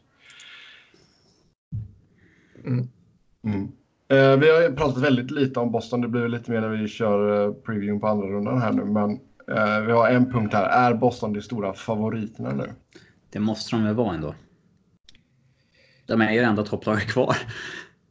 Alltså jag tycker ju om man tittar på hur snacket gick inför säsongen så måste man ju nämna San Jose också. Däremot är ju Sharks ett jävla frågetecken med tanke på deras målvaktsspel nu. Mm. Motståndet. Motståndet är ju piss. Ja. Ja. Men det är ju Yes. alltså, Fan, jag skrev en krönika igår eller förrgår eller vad fan det var. Det det är ju som upplagt nu för en final mellan Joe Thornton och Boston. Oh. Ja, det hoppas jag inte på. Men Nej, det förstår jag. Men det är ändå som upplagt för det. Mm. Ho- hockeygudarna måste ju ge oss Sharks mot Bruins och Thornton får vinna mot just Boston. I Boston. upp honom och pissar på honom liksom. Och, eh, Det är dock många år sedan nu. Det är typ Ja, 15 absolut. år sedan. men ta inte bort mitt fina narrativ här nu. Och sen får han reda in i, i solnedgången med, med bucklan över, över huvudet och eh, beep, eh, hängandes ut. I vädret. Mm. Ja. ja. Eh, Vi går till nästa serie då. Carolina besegrade regerande mästarna Washington med 4-3 i matcher. Så Bunch of Jerks går vidare. De fullbordade Wildcard Chaos Squad. Där Ja. fint. Och det som fan är mest imponerande med det här är ändå att Carolina var fan inte bra. Alltså, rent statistiskt var det jämnt i sista matchen, men jag tyckte att det kändes hela matchen som att Washington är alldeles för tunga. De kommer inte... Så fick Ja. de liksom ett 2-1 mål lite från ingenstans i PK. De fick ett eh, 3-2 mål, va? Lite från ingenstans. Sen kom det 3-3 och då var det ju panik i Ja. Caps. Men sen efter 3-3 målet, då har inte Carolina ett skott på 15 minuter. Men under hela overtime, då är det ju eh, Carolina som går för det. Ja. Mr Game 7 klev fram, stod för assisten på det vinnande målet också. Ja, han var rätt jävla osynlig i matchen i övrigt tyckte jag. Men Ja, ja. Nej, klev fram när det Han fick behövdes. ju någon tackling av Ovechkin eh, tror jag. Det var väl då man märkte honom typ. Ja. Men visst, det är klart det är ju eh, beundransvärt att han lyckas samla på sig poäng i varenda jävla Game 7 han spelar. Mm. jag såg en intressant stat om Ovechkin. Att han har spelat 37 overtimes i slutspel utan att ha gjort mål. Oj. Ja, men du vet, han tog ju slut som eh, artist 2011. Det finns bara en till spelare som är liksom elit som inte har gjort mål i overtime i slutspel någon gång. Och det är Mario Lemieux. Det är nog fan, eh, båda de två är ju, det är ju två chockerande namn. Ja, det också. Ja, Ovechkin är 0 for 37 in, in playoff OT. Det är sjukt ändå. Det skulle... eh, Om du, om du alltså får man frågan, liksom, vil- vilka två stora namn har spelat så här många eh, förlängningsperioder i slutspelet och aldrig gjort mål? Så skulle man ju aldrig någonsin gissa på de två. Nej, och det är så här, du får... Det är två spelare som har gjort mer än mm, 300 mål i NHL som inte har gjort mål i slutspel så till en gång och spelat 30 stycken var. Man gissar inte på Alex Ovechkin och Nej. Mario Lemieux. Ja, inte men- clutch helt enkelt. Ja. Eh, regerande mästarna alltså utslagna. Det, ja. Jag tycker att klart det suger för dem att åka ut i första rundan, men vad fan. Det är mo- modigt konstaterande. Nej, nej, men alltså just de hade alltså. De har vunnit sin jävla cup, nu kan de Ja. krascha igen. Och Och bli grejen är att jag tycker fan de kändes bättre i år än förra året. Och de var definitivt bättre året innan det än de var i fjol. Men Mm. de vann cupen i fjol. Ja. Eh, det är visst. Två lyssnarfrågor här. Först ut signar Beckis nytt med Caps i sommar och vad blir hans kontrakt i så fall? Uh, gå in på sista året på kontraktet här med en capita på 6,7 miljoner. Det känns ju så jävla givet att han kommer ta ett väldigt team-friendly kontrakt. Han borde få betalt retroaktivt. Det borde han få, men eh, visst känns han som en sådär eh, snäll, dum svensk. Mm. Vad är ett snällt kontrakt i din mening i detta fallet då? Alltså fortsätta på något liknande. 7,5 eller någonting. Ja. Framförallt inte kräva åtta år kanske. Det hade varit jävligt snällt Nej. av honom. Ja, det, är borde, sant. det borde han ju få om man vill ha, tycker jag. Ja. Mm. För det, alltså, det, det där är en spelare som kommer hålla tills han är innan 40 också. Alltså, Jag jag har högre förhoppning om att han håller längre än eh, Ovechkin. jag som liksom spelar typ. Jo, det är helt sant. Han blir lite dummare med åren liksom. Nej. Mm. Eh, kollar vi på deras kontrakt som går ut här, då är det inte jättemycket ju intressant. framåt. Så. Tror du man signar Hagelin som blir UFA? Nej. Nej. Jag tror att Hagelin är sån som kommer studsa omkring ett ett år i lite nya klubbar varje år nu på så här ettårskontrakt på typ två mille. Okej. Vad tror vi om Det är, Burakovsky? tror jag kan ske. De har velat byta bort Burakovsky jättelänge känns det som. Och hela tiden har de... Sades det. Innan Ja. ja. deadline så blev det inte så. Fast hela tiden verkar de ha haft en jättedyr prislapp på honom. Eh, trots att de typ inte spelade honom. Så vill de ändå byta bort honom mot något jätteattraktivt. Och riktigt så funkar det inte. Ja. Det sades ju att Abs hade kicked tires på honom innan deadline. Varför sparkar man däck på honom för? Ja. Nej, men alltså det kan väl vara en spelare som behöver miljöombytet för att växla ut Det ordentligt. liksom. kluriga är att han har en hög lön nu. Så att Ja. han måste ha ett... Han kanske är förtjänt av att signa för två mille ett år. Men han har ett RFA... Ja, han... eh, Fan, vad, vad säger man? Han, eh, han måste ju bli erbjuden Hans qualifying offer. ja, qualifying offer. Är ju på över tre mille. Så att, eh, Ja. Ja, det är väl lite högt i dagsläget. ja, framförallt för Caps. Ja. Och sen har du ju Jakob Vrana också som blir RFA. Mm. Ja, men han ska, han ska vara kvar såklart. Ja, och där kan man inte se några problem. Brett Connolly kommer att tappa och tvingas hitta något nytt fynd som kan göra sina 20 mål bakom Mm. toppduon. Han kan nog spela till sig ett fint kontrakt. Mm. Det är mycket möjligt. För vad han är idag alltså. Han är som kommer signa så här fyra år i Arizona och sen vara dålig igen. Typ. Ja. Eh, det var inte Smith Pelle kom ju upp här nu. Eh, men det, ja, det, visst han kan säga nytt Du säga om honom. Ja, det är inte så mycket att säga. Brooks Orpik, det lär vara tack och hej nu va? Eh, kanske. Eller? Jag är inte så jävla säker på det. Nej. Kan, alltså, kan de signa... Alltså är det på den pengen så... eh, Varför inte? Liksom, det är ju med 80 millar i lönetak. Om han vill signa för en. Ja. ja, en mille. Visst, absolut. Christian Joos blir RFA också. Mm. Så där kan man nog lösa något nytt också. Även fast det kanske inte gick jättebra för honom i slutspelet. Nej, annan lyssnarfråga här. Ska Caps trada Holtby och släppa fram Samsonov? Holtby går ju in på sitt sista år här nu. 6,1 mille i eh, cap.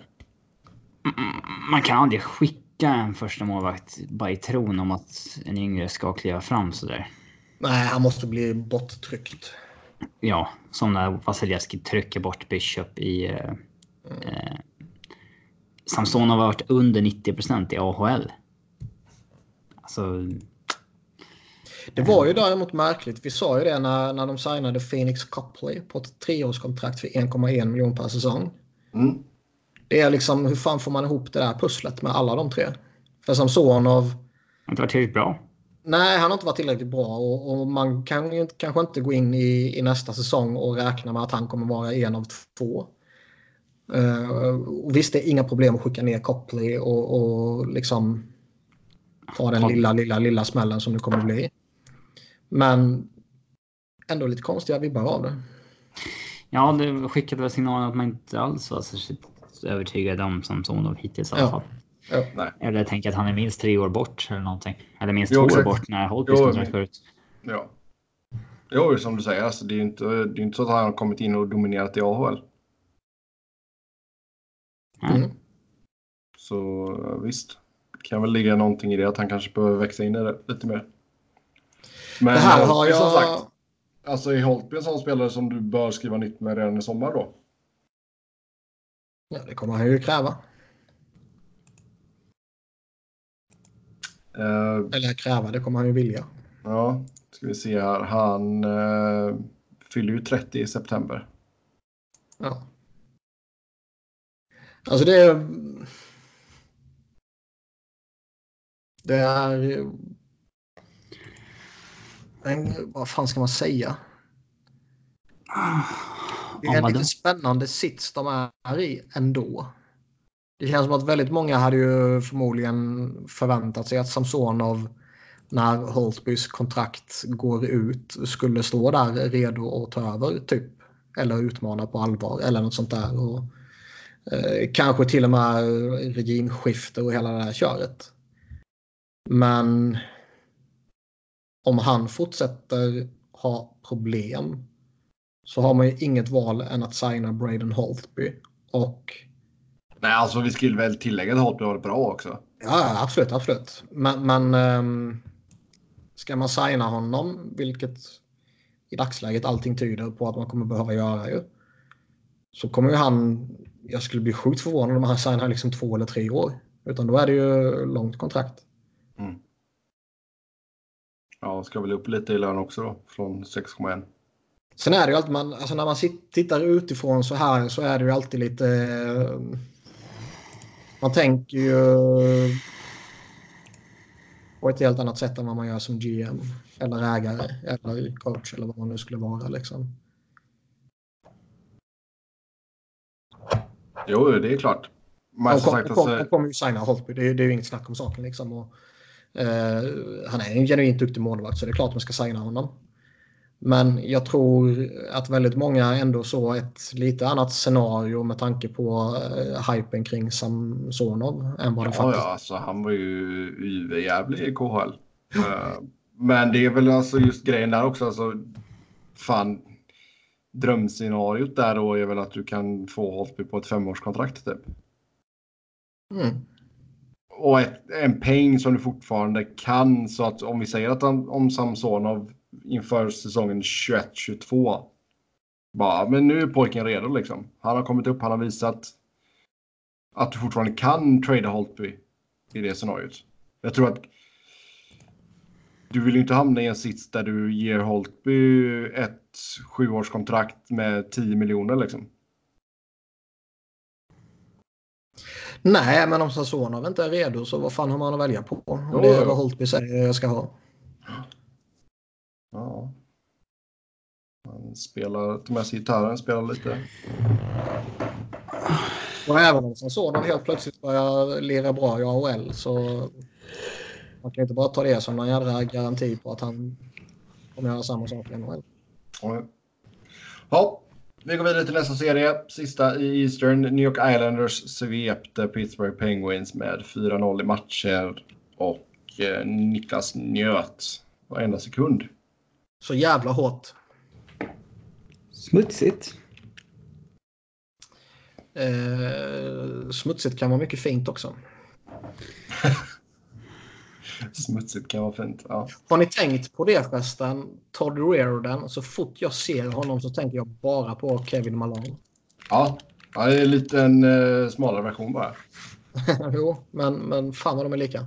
Mm.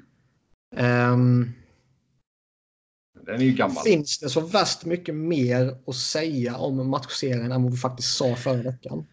Vi har ju snackat om vad Pittsburgh kommer göra i sommar. Mm. Ja. Däremot läste jag nu att uh, Jim Rutherford isn't sure if Giovanni Malkin is part of the Penguins long term plans. Det där, ja, ge mig. Alltså kaos. Ge mig kaos. Alltså för ett lag, ja. Alltså vad har vi för, kort, vad, vad har vi för kortsiktiga lag alltså, som bara vill vinna liksom nu? Nu, nu. Flyers behöver en andra center. Jag har alltid tyckt att det var, vore liksom lite rimligt med eh, Malkin i Montreal. Liksom att han skulle vara en, en gud där liksom. Mm. Mm. Jag har ju ner min ur. Jag signade Nate Thompson precis. kan bli tufft. Kan bli tufft att ta Utan att liksom uppskatta det. här. de, är rätt, de är rätt tjockt på centerplatsen ändå. Mm. Nej, men visst, absolut. Montreal hade varit i behov av honom. Vegas hugger ju på alla stora stjärnor. Men det är liksom, alltså tar du, tar du det, tar du och träder till dig Malkin, då är det ju för de här tre åren liksom. Efter det så kommer inte att vara värd pengarna. Det, det tror jag inte. tror jag nog. Nej, det tror jag inte. En sån Alltså det finns ju alltid lite... Det finns ju lite sådär med tanke på hans skadehistoria och han har en tendens till att väldigt sällan spela en hel säsong. Uh... Men Malkin är ju inte... Han, det är ju den, han tillhör kategorin spelare som inte dör när de är 35, tror jag. Det tror jag också, om det inte är så att kroppen går sönder. Men eh, liksom kompetensmässigt så håller jag med helt och hållet. Mm. Men som jag sa innan, alltså det fan det, jag ser fan inte hur man kan gå ur en sån trade och, och liksom få tillbaka någonting som har en sån exakt samma sjuka jävla slagkraftighet som Malkin har. Nej, alltså, det blir ju paket. Alltså, även om de vill fylla på med picks och prospects så är Pittsburgh absolut inte i ett läge så länge Crosby är vad han är och så länge Kessel och Letang och, och det där gänget liksom eventuellt då ska vara kvar om det är Malkin man ska offra. Liksom. Och så är Pittsburgh ändå inte i ett läge där man liksom behöver bygga om och ska bygga om. Utan så länge man har Crosby där så ska man ju i varierande grader gå för det. Liksom. Ja, men det är väl om du kan byta, alltså säga att du byter ner dig liksom något snäpp då. Men Malkin har en så jävla impact. Jag ser verkligen jo. inte, alltså. Jag ser bara inte hur man kan komma vinnande ur en sån trade. Nej. Men det hade väl inte gjort dig någonting heller alltså, i och för sig? Sa du?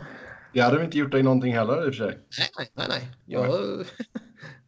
Givetvis inte. Men... Um... Alltså Malkin, det... Han kan ju vara så mycket bättre än Crosby. Mm. Den 100, 101 bästa spelaren i historien. Men visst, jag tycker nej. det vore fan jättekonstigt om man tradar honom alltså. Ja. Men kudos till Islanders och de rider på den vågen. De har gjort hela säsongen här. Barry Trotz ska ju definitivt nämnas som en av de bättre tränarna i ligan. Uh, nu så flyttar man väl tillbaka till Brooklyn också. Har jag för mig. Om jag inte har helt fel. Man lirar ja. första, första rundan i Nassau.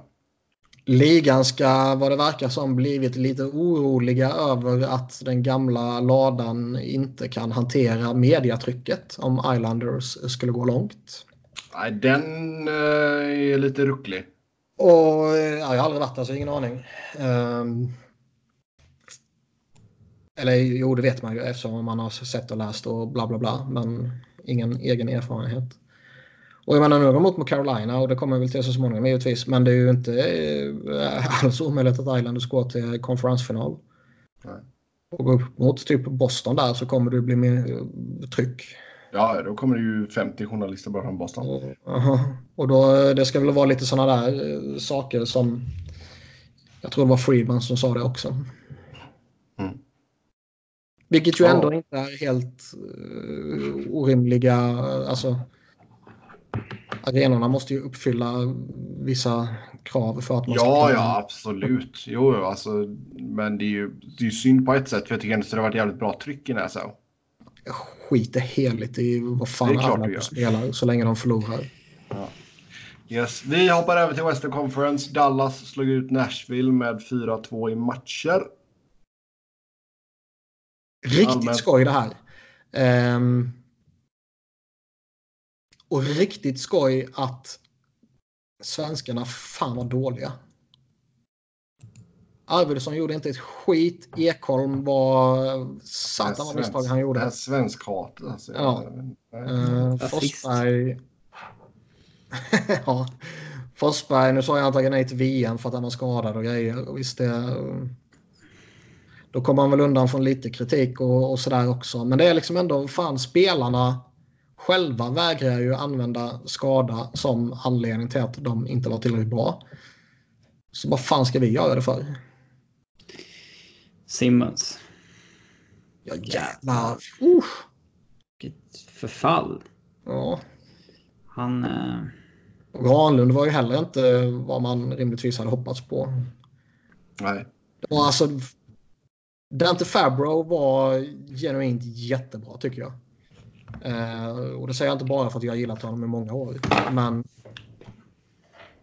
var det någon annan spelare som man kan säga var jättebra? Det är typ Rocco Grimaldi liksom. Ja, det är inte riktigt han som behöver kliva fram i de lägena heller. Eller som ska behöva kliva fram. Nej. Robin Eh. Joseph var väl okej liksom. Men Ryan Johansen 1 plus 1. Filip Forsberg 1 plus 1. Viktor Arvidsson 0 plus 0. Mattias Ekholm 0 plus 2. Ryan Ellis 0 plus 3. Nick Bonino 0 plus 2. Subban 1 plus 2. Eh, vad har vi mer? Kyle Towers 1 plus 1. Och sen så vad har vi? Granlund 1 plus 1. Det är Mm. Wayne Simmons 0 plus 0 på två matcher i och för sig bara. Men, ehm, Jo, men det, det, den fick ju inte den effekten man hade hoppats på. Absolut inte. men det är, alla dina spelare kan fan inte vara värdelösa på samma gång om du hoppas du ska vinna Nej. en matchserie.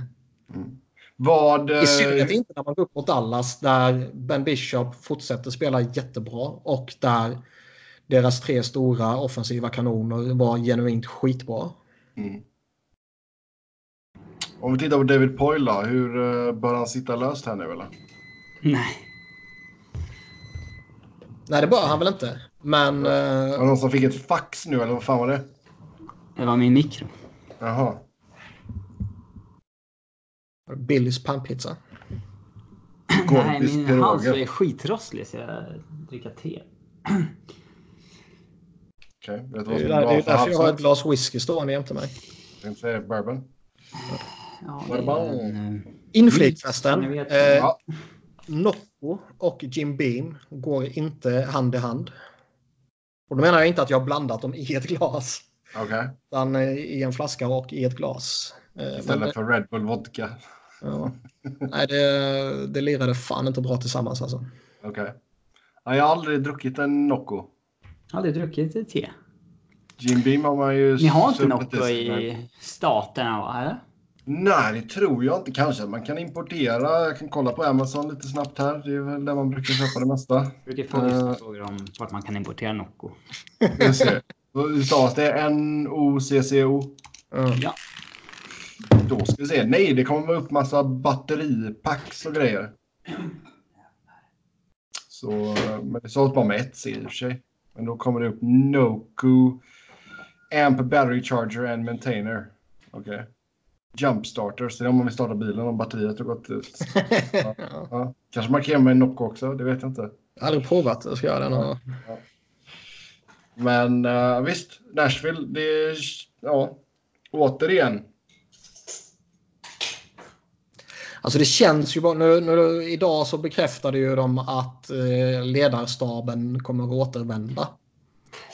Eh, det spekulerades ju lite i att Laviolette eventuellt skulle kunna ligga pytt till. Men eh, så är ju inte fallet och sparkar man Laviolette så känns det som att man oundvikligen kommer byta ner sig med tanke på vad som finns tillgängligt idag. Men på spelarfronten, det är ju den det surrats om mest där var ju PK. Ja, vi pratade väl om han förra veckan har jag för mig. Att det började pratas redan om honom då. Mm. Ehm, om det är faktiska rykten eller om det bara är spekulationer är väl svårt att veta i dagsläget. Och det känns som att det här kommer ju inte ta fart på allvar förrän säsongen faktiskt är slut. Nej.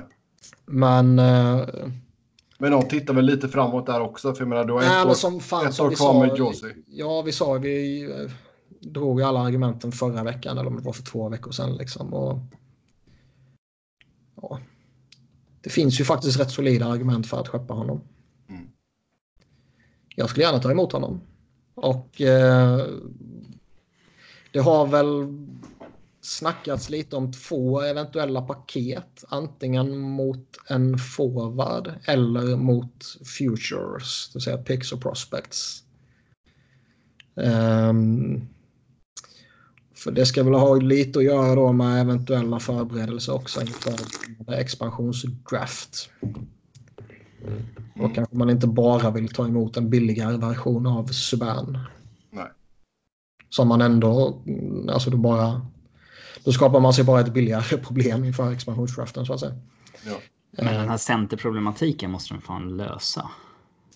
Det är väl kanske det de försöker lösa med Subban i så fall. ja, där har inte Johansson eller Turris riktigt levt upp till förväntningarna. Långt ifrån. Nej. Nej, men man, alltså, man tänkte väl så på något sätt att fan kör. Alltså, det är väl en helt okej ett, ett one-two punch liksom. Jag tyckte Johansen visade tendenser till att kunna vara något väldigt spännande. Men eh, han har ju planat ut. Mm. Och då är det ändå... Han gör liksom 50 assist. Det, det är ju det är en bra assistskörd. Ja, ja. Och Men är det han som driver det? Ja, exakt. Eh, Kan han bättra på sitt målskytte och så här så... He ain't driving that bus. Nej, jag håller med. Och eh, han ligger ändå bara omkring 60-talet poäng. Det är ju not good enough. Samtycke. Och visst, nu hade väl Turris lite problem med skador och skit, men... Inte tillräckligt bra där heller. Nej, så är det ju. Men det känns ju fan, det känns som att någonting kommer hända i Nashville till sommaren.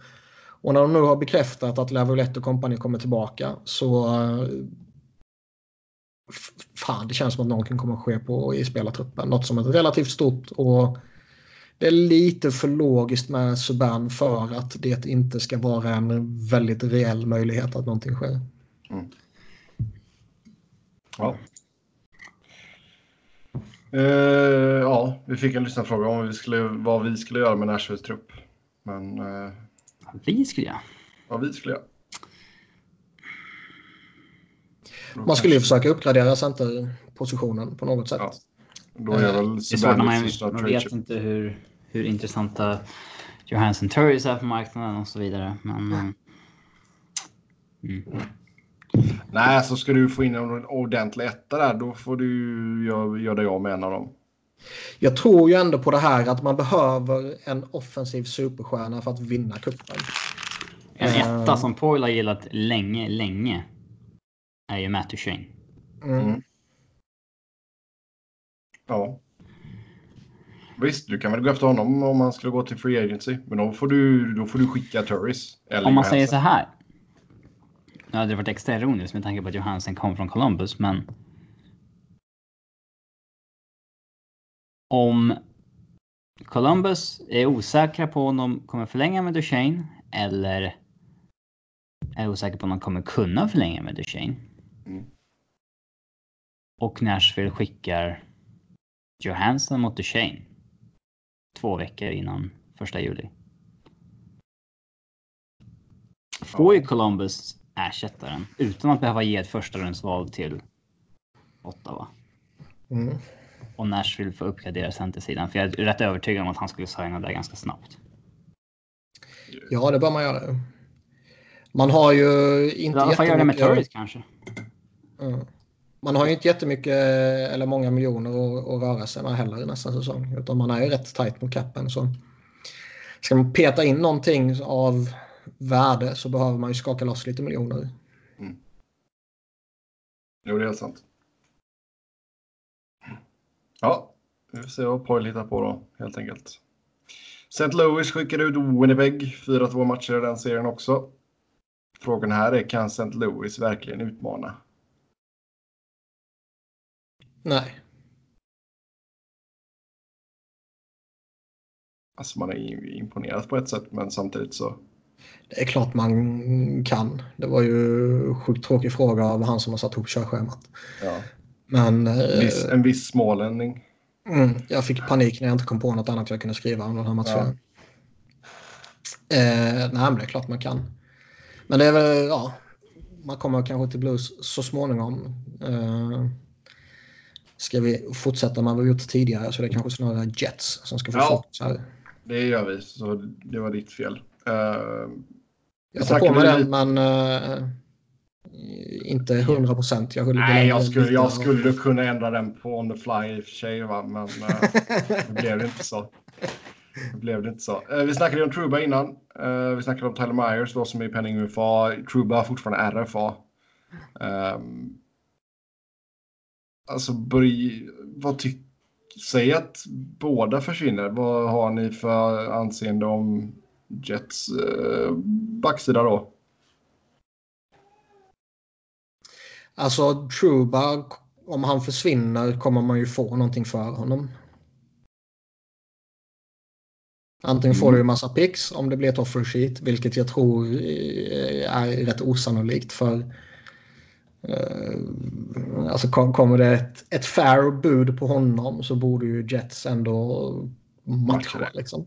Ja. Utan jag tror snarare det blir en trade för honom i så fall och då kommer man ju eh, eventuellt kunna få en rak ersättare där. Eh, men det, ja. Alltså, Big Buff är ju fortfarande cool och häftig på alla sätt och vis. Men han börjar bli gammal. Och hur fan kommer den där kroppen hantera åldrande? Ja, alltså frågan är ju där också. Nu har, han har ju två år kvar på sitt kontrakt. Eh, och det känns ju som att fan, han är 36, nästan 37 liksom, då... Men han känns som som en typspelare. Som i den åldern så spelar han vidare. Så man måste ju bara signa honom på ett års kontrakt. Ja, Alltså gång efter gång i så fall. Men du vet, det är fan, han, han börjar bli gammal där. Josh Morrissey är ju duktig. Ehm, men du vet, är det bara de två kvar så ser det ju inte lika eh, fint ut som det har gjort. Nej, alltså i dagsläget så är det ju Bufflin, eh, Morrissey, mm, Sami Nikko och Dmitri Kulikov som har kontrakt över nästa säsong. Ja. Ehm, Line. Frågan. Ja, Line och Kyle Connor. De ska ha betalt. Uteslutet att man kan behålla Kevin Hayes i alla fall känns det som. ja, där kommer man ju släppa han och eh, gå efter en ny rental nästa säsong om man är i samma läge. Mm. Ehm, jag vet fan vad man ska tycka om Winnipeg. Å ena sidan så beundrar man dem lite för att de faktiskt har eh, byggt i princip hela laget genom egenfostrade spelare. Eh, de har gjort det med tålmodighet och, och liksom ja, Mm. byggt långsiktigt och fått effekt av det. Liksom. Men de har inte fått ut ett 60 skit av det. Ja. Eh, en fråga här. Har det kommit ut någonting om Nikolaj Ehlers? Spelade han skadad? Va? Ehlers. Han var ju inte bra direkt. Jag vet inte. Let's fucking google it. Mm. 0 plus 0 på honom är ju rejält underkänt. Nikolaj Ehlers spelade med fotfraktur. Se där ja, då har vi en förklaring till det. Manligt.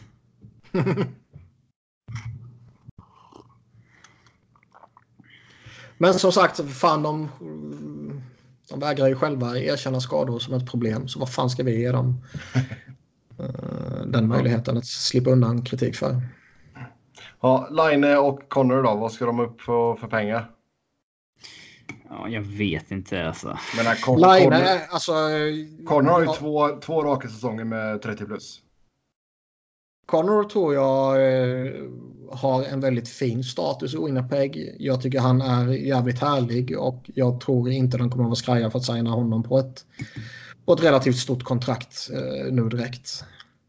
Line är Gäller däremot... Scheifele-pengar då? Ja, typ. Ja. Men, men, men liksom Line är fan en av de konstigaste spelarna någonsin. Och det känns som att det här kan bli en av liksom vad fan ska man säga?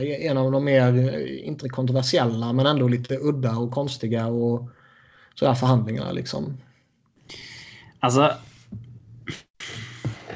Han har ju varit galet streaky. Det kan ju... Det har ju inte undgått någon. ja men framförallt är han... Han har gjort så jävla mycket mål i tre år. Mm. Så Alltså, uppenbarligen är han ju en elit, elitmålskytt. Men alltså, man kanske, nästa säsong kanske han gör 95 poäng om man ser hur dum ut som helst. Men liksom, har han så mycket mer än ett bra skott? Han har ett fint hår. Ja, Han har en riktigt dålig skäggväxt. Mm. Nej, men jag- visst, han, är, han är ju en elitsniper och ingenting annat. men liksom, vågar man slå fast det? Att han är en elitsniper? Och ingenting annat. Ja, jag vet ingenting annat. Det, Det är nej, det som är frågan. ja, det är det. Det var ju lite det snacket om Stamkos för några år sedan. Ja. Men liksom får du 40-50 baljor av en snubbe varje år, då är det väl eh, värt det liksom. Det Men... Men... Ah, Jag, jag är glad. Det känns ju som att det där förhandlingsrummet kan vara att Winnipeg vill börja på 5 mille och Line kräver 11 liksom. Och så är det, ja men det kan ju absolut vara så. Nej, men tror jag. jag kan tro att ytterligheterna här kan vara väldigt extrema. Mm. Eh, det kommer ju bli jävligt intressant när man ser de där första siffrorna läcka ut. Oh ja. Han har alltså Det här- 110 mål de första tre säsongerna. ja, det är imponerande. Ja. Men tror ni, vad kommer man, kommer man försöka pilla bort någon lön någon annanstans ifrån? Typ en Brian Little? Kulikov? The Little Lion Mans kontrakt tror jag är fan svårflyttat. Det är inte så länge sedan Ja. de signade heller. Det var ju märkligt alltså tycker jag. Det är första året i år. Mm. Nej, jag... Jag tror att ska man skaka loss lite pengar så kan jag se eventuellt en Matthew Perreault som... Eh, han har varit en sån här fancy statsgud i rätt många år och han kan man nog hitta någon köpare till. Och jag tycker han är rätt duktig. Alltid folk som behöver centrar. Ja. Ja. Flyers. ja, han har ju bara en modified no trade så han kan ge en lista på fem lag som han inte vill bli tradad till. Så det är ju ganska lugnt. Ja. Men det är Line och Truba där. Det känns ju som två jävligt intressanta situationer. Line vet man inte riktigt var han står och den förhandlingen kan bli, eh, som vi var inne på, väldigt eh, konstig. Eh, Jacob Truba med tanke på historiken där och, och, och sådär kan ju också bli väldigt spännande. Mm. Yes, vi går vidare. Colorado, Calgary. Där blir det 4-1 i matchen till Colorado. Och då är frågan vad som händer i Calgary. Snackar Ja. vi om Brody och Smith. Jag var inne lite på dem innan.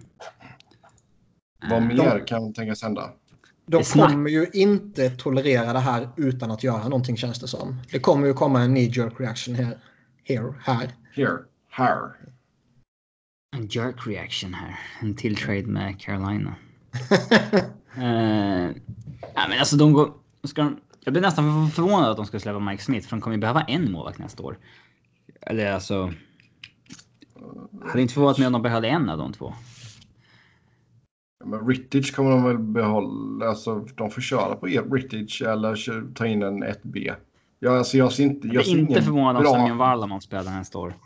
Nej. Det känns ju som att de, de kommer signa med Rittich såklart. Och sen så plockar de in en veteran från Free Agency. Ja. Alltså så länge du inte får Mike Smith snorbilligt så ser jag liksom ingen anledning till att ha kvar honom.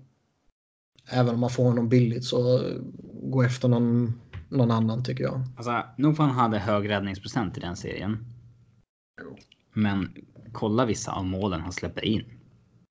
Ja, Alltså han, det är så ett friläge där han eh, du vet, kör en Salo från 94, lägger sig ner och släcker upp ett benskydd i luften liksom. Så här, helt orimligt målvaktsspel på Alltså Hasek-liknande grejer fast dålig. Liksom. Eller det, man vet att det är ohållbart liksom. Jo. Han kanske har flyt någon match men alltså nej. Mm. Eh, Eh, två intressanta RFAs. Coren då, alltså ja. den fick ju fruktansvärt mycket kritik. Mm. fast det ska den väl ha. Ja, Alltså, men skakas det något där det var, väl i, det var väl ingen av deras spelare som nådde upp till tillräckligt acceptabel nivå. Eventuellt Sam Bennett undantaget. Ja, jag såg ju alla matcher såklart. Jag anser att jag inte gjorde det eftersom de började klockan fyra allihop. Men eh, Jag har tittat på dem med ett halvt öga i efterhand. Inte alla, men, men några. ja. Eh, Matthew Kachuk tyckte jag var bra. Sen Ben. Han gör bara två plus tyckte jag ett. var bra. Va? Han gör bara två plus ett. Ja, men eh, Kachuk tyckte jag var bra. Men första kedjan var ju inte, inte vass. Eh, Johnny Hockey 0 plus 1.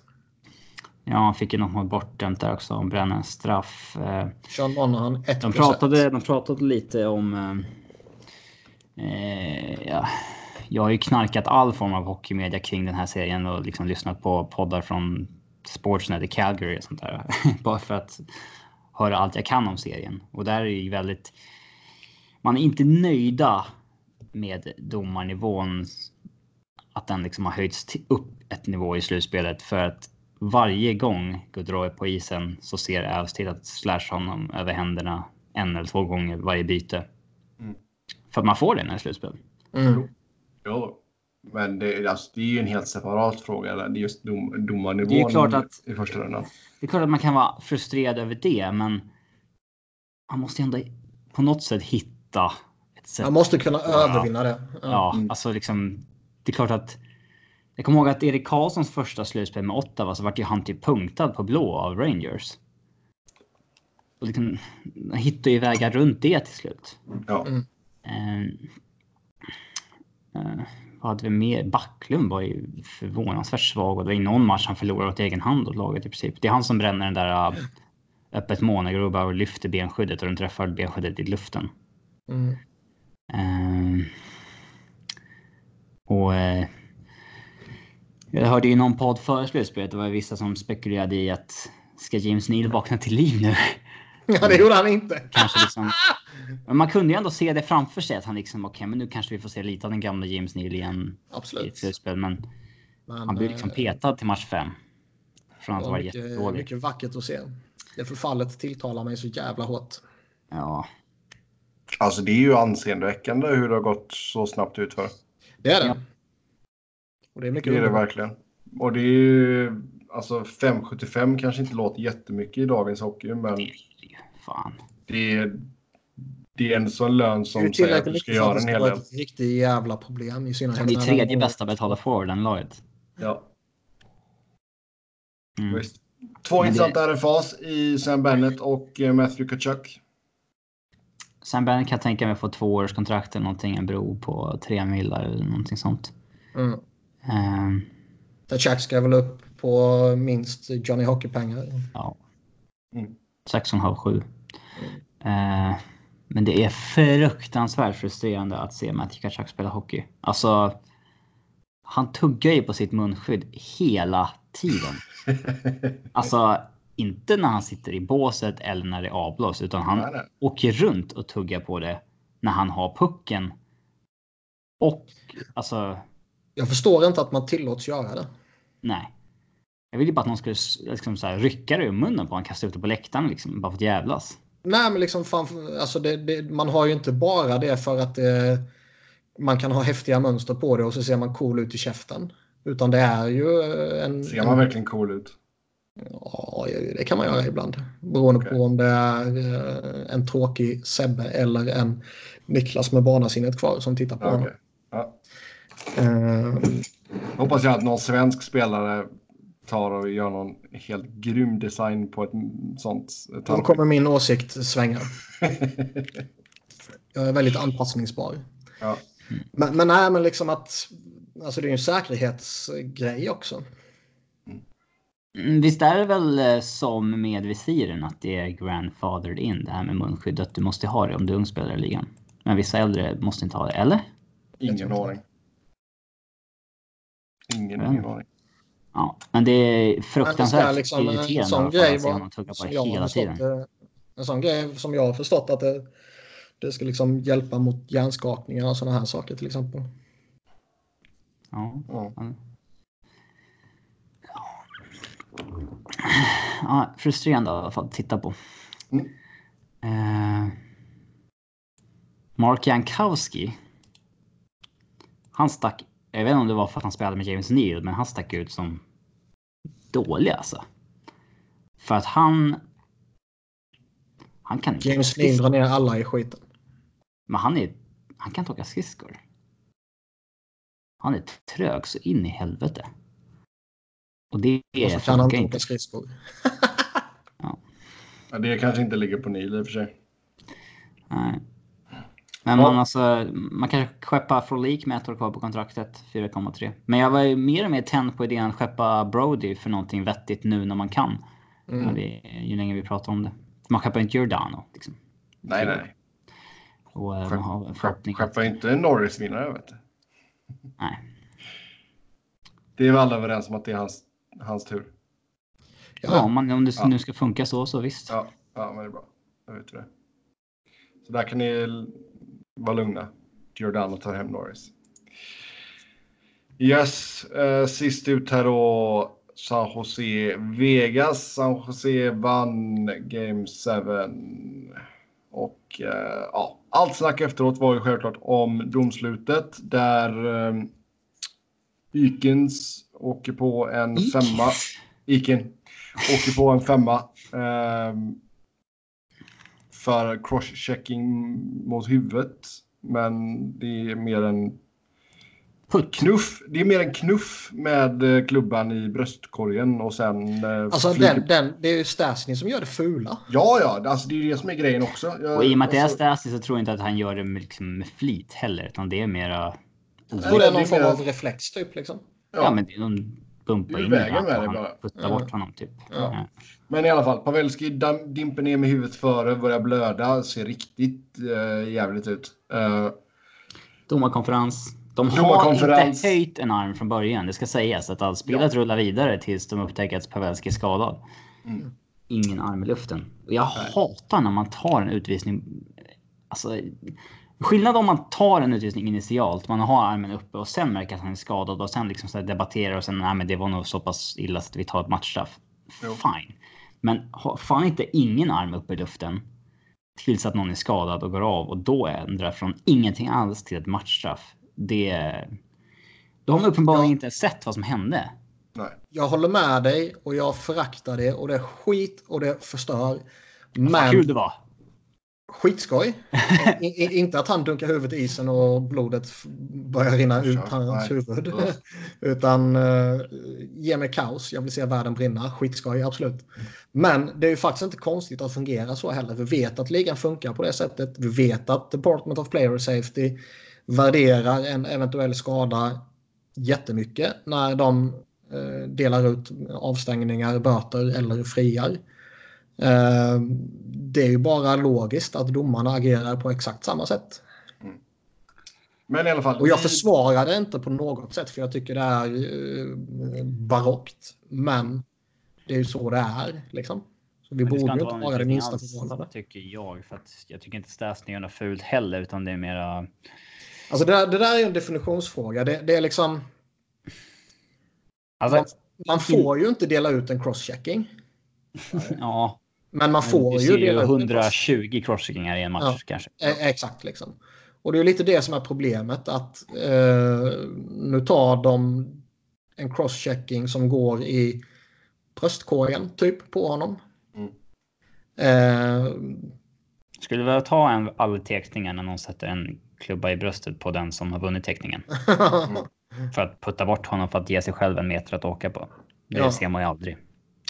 Alltså det, det ja, nej, jag vet inte vad jag ska säga. Det, det är så, Men alla domare på alla nivåer i alla idrotter är värdelösa. Punkt.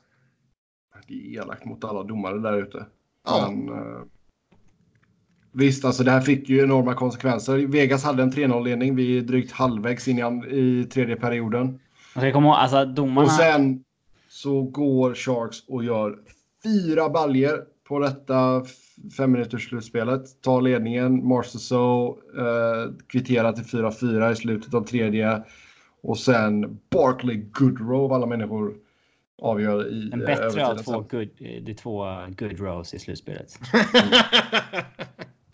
Eh, Det ska väl sen- sägas att ehm, Bellemare saknades. Och, ja, det är ett avbräck. Nej, men alltså om, om man bara snackar PK. Han är ju de- deras mest använda PK-forward. Ja, alltså det PK såg ju bedrövligt ut. Och Cody Eakin är ju Jo. också en av deras mest använda forwards. Så det är ju två liksom, framträdande spelare som försvinner ur den spelformen. Jo. Men man kan gnälla hur mycket som helst på det här domslutet. Man kan gnälla hur mycket som helst på att det blev en femma och eh, liksom det kanske skulle varit en tvåa, det kanske skulle varit två stycken tvåor. Eh, Det kanske skulle varit en femma, det kanske inte skulle varit någonting. Whatever. Ja. Men det är inga som helst omständigheter så är det ju något annat än direkt jävla värdelöst att man släpper in alla de här målen på en femminutare. Ja. Ja. Det får inte ske. Ja, Det är väldigt sällsynt att det har blivit fyra mål på en femminutare. Ja, nej, det alltså, Vegas får skylla Ja, sig ja, ja. Det har hänt. Vegas får skylla sig själva. Eh, Ja. Alltså, visst, domarna ger San Jose en gyllene väg in i matchen. Men det är fan ändå Vegas som skiter ner sig. Jo, Ja, ja, ja. absolut. Men ger inte domarna den där femman, då är det ju kört. Ja, Det är eh, mest troligt, ja. Ja. Sen Ja. är frågan här också, alltså, visst, om vi säger att de är liksom fasta på att ja, men någon ska ha en femma här. Ger du hell, alltså om du är i Vegas, plocka bort Iken eller plocka bort Stasny? Alltså de har ju spelat Ikin mycket i PK också, va? ja jag har ju Men alltså du-. Du ska inte släppa in fyra mål på fem minuter i spel fem och tre. Så att, Nej. nej. Var PP så brutalt bra eller var det bara att alla gick in? Alla gick in. Alltså deras PK var kalasdåligt. Och jag tycker, att, det? Alltså, och jag, liksom- tycker, jag tycker verkligen att Galant gör ju fel där också. Alltså visst, nu blev det ett litet avbrott efter 3-2 för det var någon som kastade in någon skit på isen. Men fan, Mm. ta, ta din jävla timeout där. Lugna ner spelet. Alltså, fan, samla. Ja. Men du vet, du kan ju inte Alla göra det efter. Så fort någonting har gått illa så då borde tagit en timeout innan. Jo, men Sen, istället vi så gör han det se- efter. Ja, men så gör han det efter 4-3 istället. Det är liksom... Han, vad, han ville väl inte... Men säg att han tar timeouten där och Sharks gör mål. Det så här, har han lät Sharks vila sina bästa spelare igen? Man ska fan kunna klara ut det där utan en jävla timeout på en halv minut. Galant skulle kunna gå Det- hem i, i, efter 3-0. Vad sa du? Galant borde kunna gå hem efter 3-0. Ja, exakt. Bara spela Tänk, tänk om det var, tänk om det var någon sån här José-supporter som gick hem efter 3-0. Men alltså det, det, det är ju ändå lite coolt att se Logan Couture bli liksom apförbannad. Och skäller på allt och alla och sen bara gå in och pissar in två mål på typ tre minuter eller någonting. Han är duktig. Ja. Han ser det är- ännu roligare ut utan den tanden han har saknar nu också. Ja, det är någon som har slagit honom i ansiktet. Någon har inte kunnat hålla sig. det är fullt förståeligt. Men Ja, Vegas då, om vi ska foka på dem. Alltså det var... Ja, vi kan väl få lägga fokus på dem. Alltså det, visst, det här är en jävla setback. Alltså det att åka ut på det sättet. Det är deras första motgång i franchise history. Så att, ja. Men all den, ja det är rätt stor motgång att torska finalen också. Så ja, men Galant sa att det här var värre. Alltså det här uttåget. Det tycker jag är skitsnack bara. Ja, men sättet de åker ut på. Alltså, Oh, jo, men... Eh, nu, I år hade de ju förhoppningar. De har ju adderat fan, Stasny, Pacioretty, Stone. Det är, ju- det är första kedja. ja. Men alltså all tur de hade förra året får de ju tillbaka i arslet detta, den här sekvensen typ. Men här så ska du ju väl egentligen bara sitta lugnt i båten. Kanske försöka uppgradera försvaret. Det har vi ju sagt sen. Alltså man är ju en ny väldigt intressant situation med William Karlsson. Ja, han ska ha betalt igen. Eller ha betalt på riktigt. Med ett långt kontrakt. Ja, men han är ju ingen 40-målsskytt. Alltså 56 poäng, det är ju stabilt och fint och bra och sådär liksom. Men det är ju inte... Det Eh, blev vem- inga matcher vem- för Nikita Gusev va? Nej, jättekonstigt. Nej. Man tar dit honom om man använder honom inte. Och visst, man, man alltså... Kanske sög. Ja, Chippasov sög. Vem, Men- vem kom närmst till våran prediction där för William Karlsson? Antalet mål han skulle göra under grundserien. den är 24. Uh, vad hade vi tippat? Har jag det här? Uh, jo, Jag hade 25. 25 mål. Jag hade 21 och Robin 16. Oavsett vad, han var ju liksom i det partiet vi trodde. Han var inte i närheten av 40 baljor igen. Eh, och jag kommer ihåg att han var ju fan uppe när, nästan på typ 16 efter eh, typ halva säsongen. Så han måste ju haft ett riktigt svagt andra halvår med skyttet. Men han har ju visat sig vara liksom en oerhört eh, dependable tvåvägsspelare och hela den biten. Eh, där gjorde ju Columbus fel inför Oh, ja. extension Oh, ja. draften. Karlsson eller Wennberg? Eh, Ja. ja. Men sen är ju frågan, hade han fått den chansen i Columbus? Det är inte helt säkert. Och det har vi sagt om ett par Vegas-spelare. Men Jag är inte, jag är inte säker på att... He hela jävla Vegas-situationen är ju så jävla absurd. Så det... Mm. Men vad, vad ska vi snacka för pengar och term för Wild Bill? Uh, sex mil fem år kanske. Typ. Låter ganska rimligt. Nej, jag tycker liksom Mark Stone-affären klockren. Mm. Ja, han är ju superbra. Ja. Och liksom, de har ju en jättefin topp 6. Det har vi ju sagt. De har en bottom 6 som väl är medioker med några schyssta rollspelare ändå liksom. Och peta in Gusev där eventuellt kommande säsong då om inte han stiger hem till KHL efter att bli förbannad. Eh, är ju en ny potentiell game changer typ. Mm. Och sen har man ju fortfarande det här jävla försvaret som... Uh... Ja. ja. Det är ju vad det är liksom. Vad tror vi, alltså just Gusev också är ju... Inte en aning. Det är ju svårt att säga vad fan han ska, om man liksom, för nu skulle du inte ta beslut och signa nytt med honom då kanske. Um... Är det ens aktuellt? Jag har ingen aning. Nej, jag vet inte. Ja, jag, vet, jag, jag har inte läst någonting. Det var bara jättehype när han kom över och signade och sen ingenting. Nej. Och det är fan konstigt att man... Ja.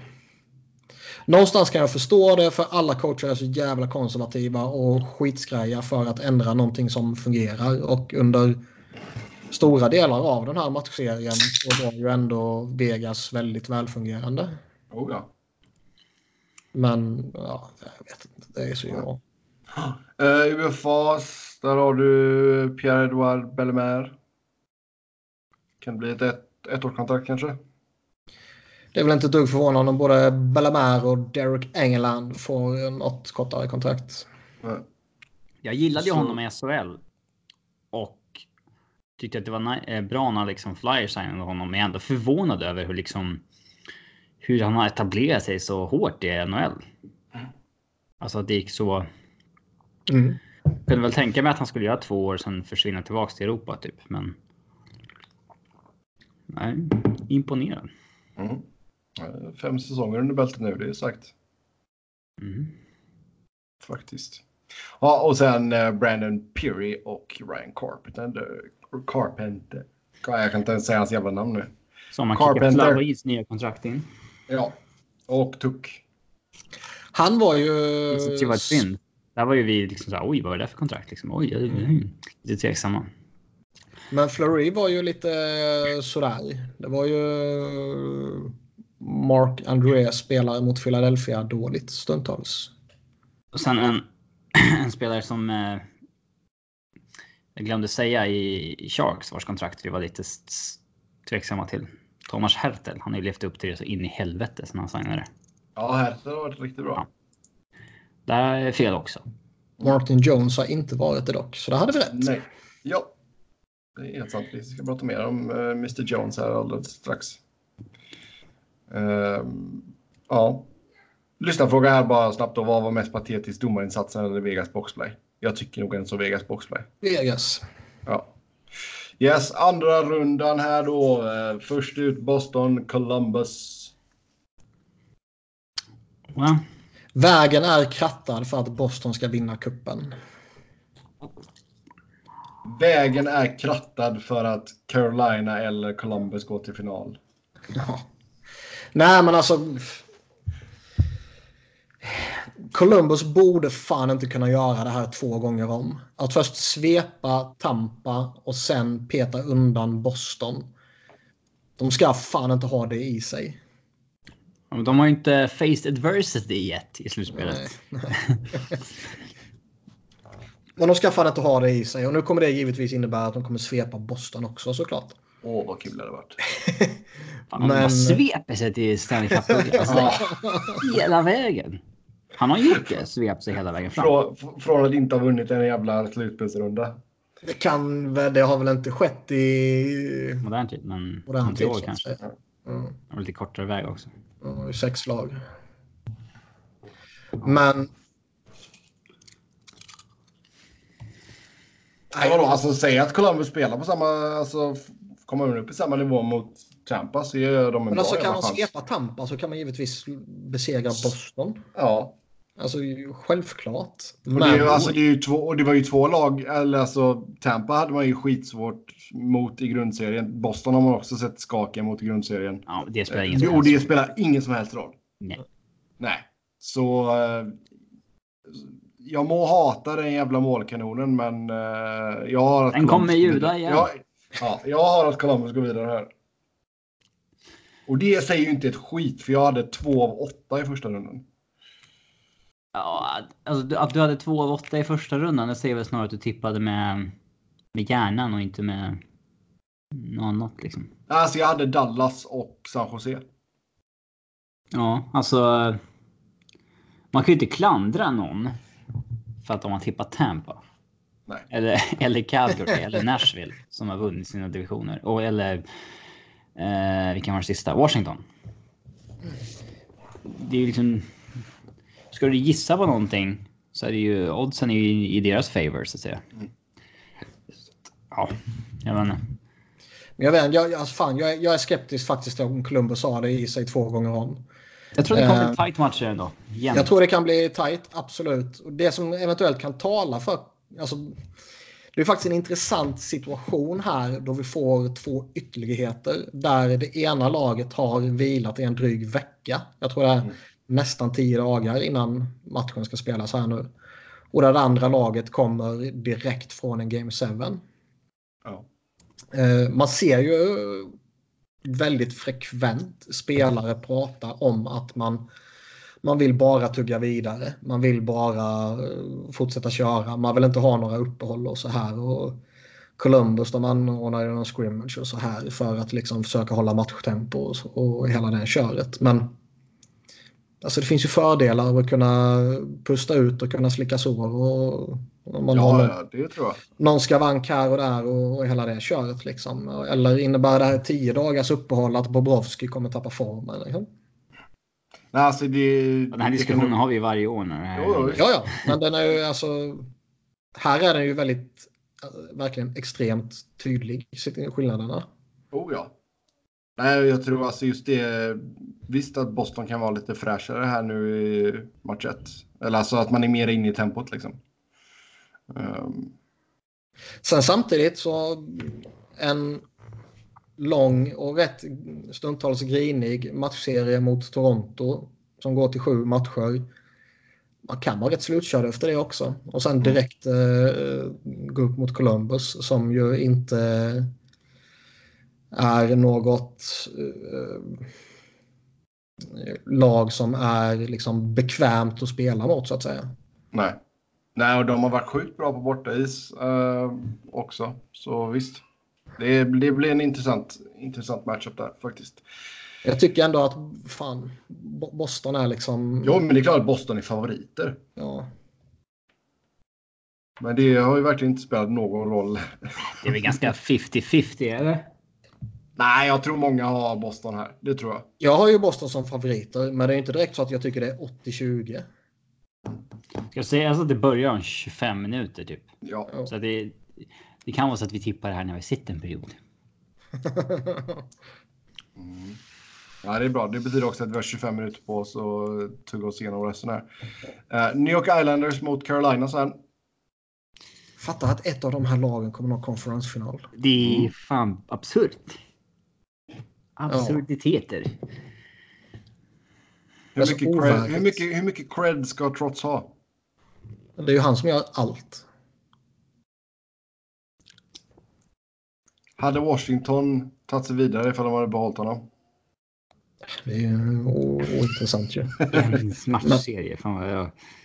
Men, men, men liksom, skulle det vara någon annan coach, eh, givetvis med typ tre undantag eller någonting, i det där båset så skulle ju Islanders aldrig varit där de är. Det är jag helt övertygad om. Han är ju den enskilt största anledningen. För det är, det är verkligen ett mediokert lag på pappret. Och sen har de fått ett, eh, ett osannolikt målvaktsspel. Och där är ju samma grej. Alltså, Vad tycker vi om eh, de- Ve- de- Vezina-nomineringen på Lena där? Det är ganska svagt målvaktsår. Den, den är väl inte oförtjänt, men... Han är inte tredje eh, bästa målvakten i ligan. Liksom. Han är inte tredje bästa målvakten i ligan. Jag är väldigt övertygad om att hans... Eh, eh, hur han har kommit tillbaka från sina off-ice issues påverkar den här omröstningen också. Så Han... Eh, målvakter är sjukt opålitliga. Alltså, just i år råkar han vara topp 5. Nästa år kanske han är 25 det, ja, nej, han, han är inte tillhör inte att man liksom har köpt att han tillhör toppen Mm. en säsong. Alltså rent statistiskt så är han ju där, men Ja, visst. men Det alltså, är klart att det- så ser vi att målvakterna pendlar från säsong till säsong. Något Jo, ohyggligt. Mm. Han kan nog få mm, bra betalt i sommar, det tror jag. Ja, kanske kraschar nu. Oavsett om han skulle ha katastrof. Så att de torskar de två första matcherna och han släpper in 12 baljor. Det gjorde jag misstaget att dricka vatten. Det ska man inte göra. Man ska hålla sig på whisky. Ja. Nej, men det är, jag menar, Islanders är också ett lag som är intressant att följa som vi tittar på till eh, sommaren också. Det är några kontrakt på spelare som man behöver ta ställning till.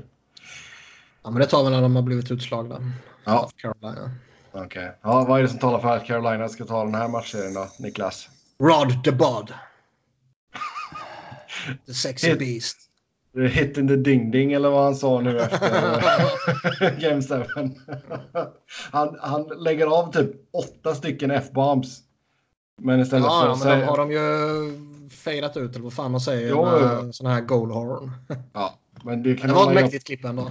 det kan man- man väl göra om de säger balls också eller? Man tycker om uh, Rod the Bod. Kick in the ding ding. Eller hit in the ding ding. Ehm, jag blir inte riktigt klok på, på Carolina. För, alltså, det var jättelånga sekvenser i matchserien mot Caps där jag inte tycker att de var bra. Och ändå liksom gnetar de sig kvar och de hänger med. Och de tvingar fram en Game 7 och de blir liksom överkörda i inledningen där. Men de gnetar sig kvar, de får in ett mål. Uh,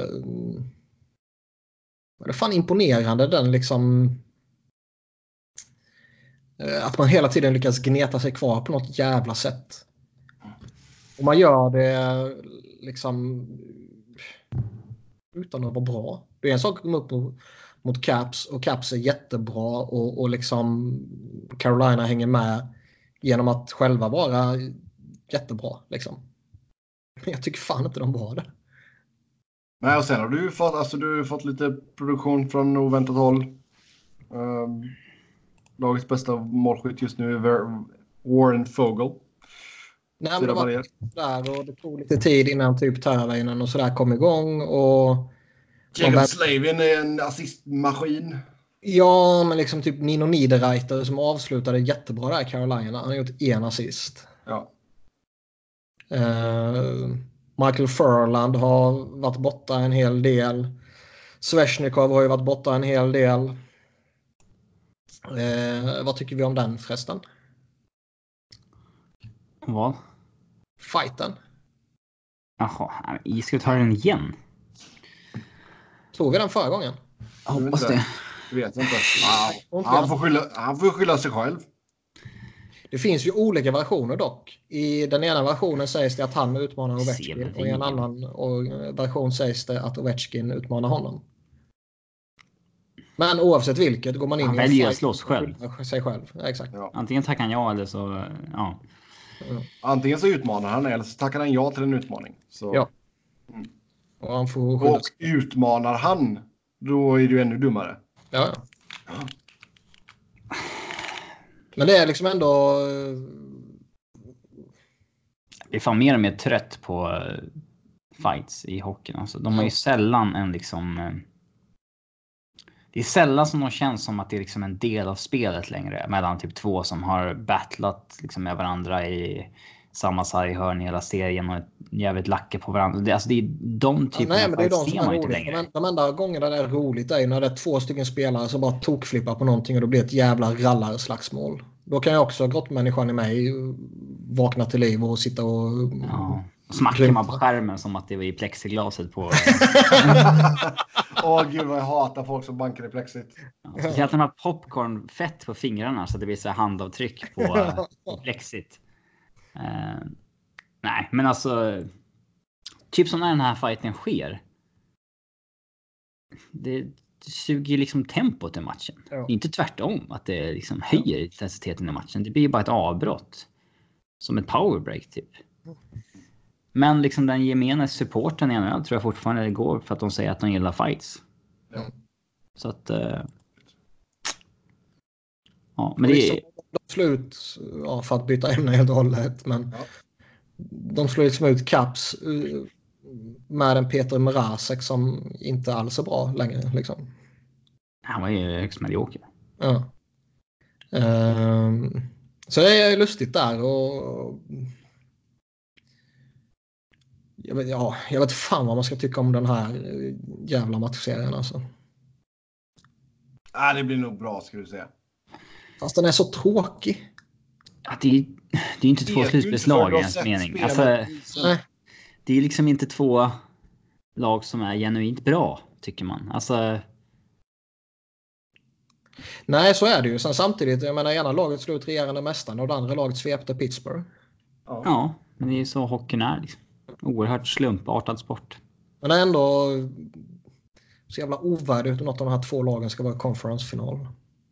Kan vi inte bara stryka den här och sätta Columbus Boston i conference-final? Det vore ju mer värdigt liksom.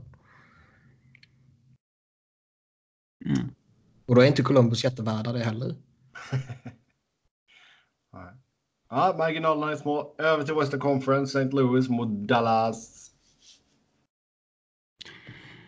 Vad talar för St. Louis? Vad talar för Dallas? Vi börjar med St. Louis. Alltså Dallas är ju att de Ja, har vi ett börjar med fantastiskt- Jaha, det, jag hörde inte vad du sa. Mm, Eh, Men, men Dallas, de, de har ett fantastiskt målvaktsspel och håller det i sig så eh, betyder det givetvis jättemycket. Och de har sina tre, som jag var inne på tidigare, offensiva stjärnor som var under väldigt långa stunder skitbra mot Preds. Mm. Och de har ju både spelat alla de tre tillsammans och splittat upp dem i två olika kedjor. Och... Alltså om du får bra målvaktsspel och dina bästa utespelare är skitbra så kan du gå jättelångt. Ja. De har, liksom ett, de, de har fått ihop ett rätt bra försvarsspel i övrigt. Och de har liksom, utan att ha en jättenamnstark laguppställning bakom sina stjärnor, så har de ändå en rätt, ett rätt gediget lagbygge ändå. Liksom. Mm. Alltså jag tycker Zuc- Zuccarello-värvningen ser ju skitbra ut. Ja. Sen går de till konferensfinal och får de skicka en ny first rounder till, till Ragdolls. Vilket gör att jag givetvis eh, hoppas på Blues. Mm. Nej, men som du säger, alltså topptrion där, Radulov, fyra mål, två assist. Sagan, två mål, fyra assist och Ben, ett mål, fem assist. Och sen har även Klingberg, ett mål och Mm. fem assist.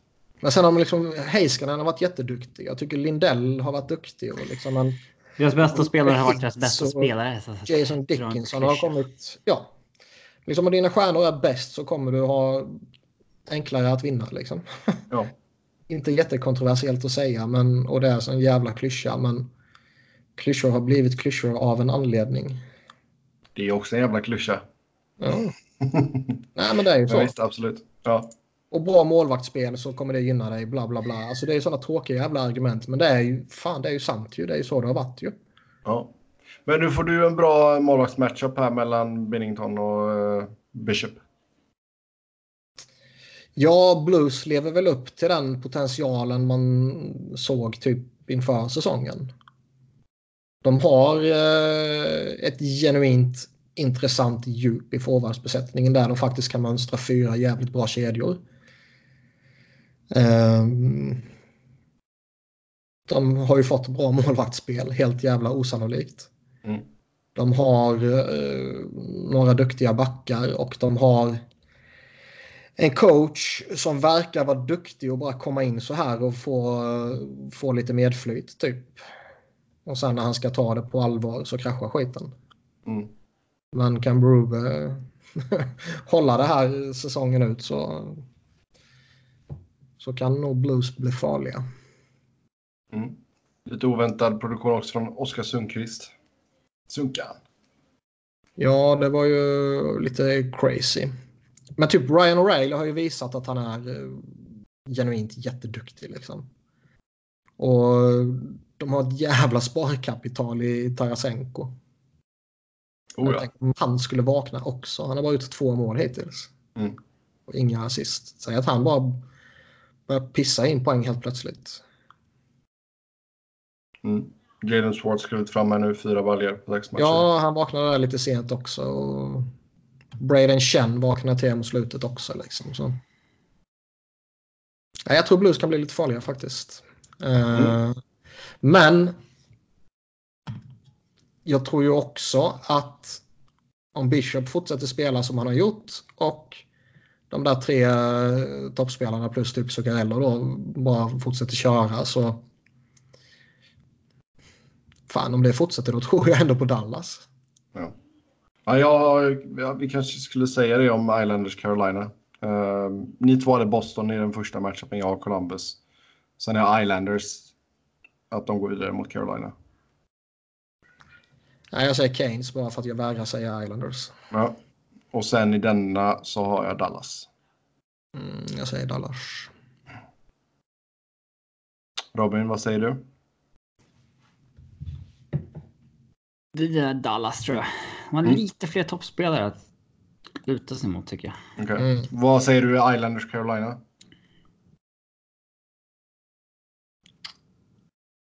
Ja. Måste man välja. Ja, det måste man. Carolina. Ja. Yes, då tar vi sista matchserien. San Jose mot Colorado. Och där så antar jag väl att Robin säger Colorado såklart. Men eh, vi ska gå igenom varför först. Varför kommer Colorado att ta sig till konferensfinal? Robin? Alltså det som talar för Colorado. Det är ju Martin Jones. Martin Jones. Eh, Martin Jones igen. Men det är ju fan det är ju. Det är det absolut största som talar för Colorado. Ja visst. Eh, Grobauer har varit extremt het de senaste månaderna. Han är ju typ 94 procent eller någonting i slutspel också. Så att eh, målvaktssidan klart övertag.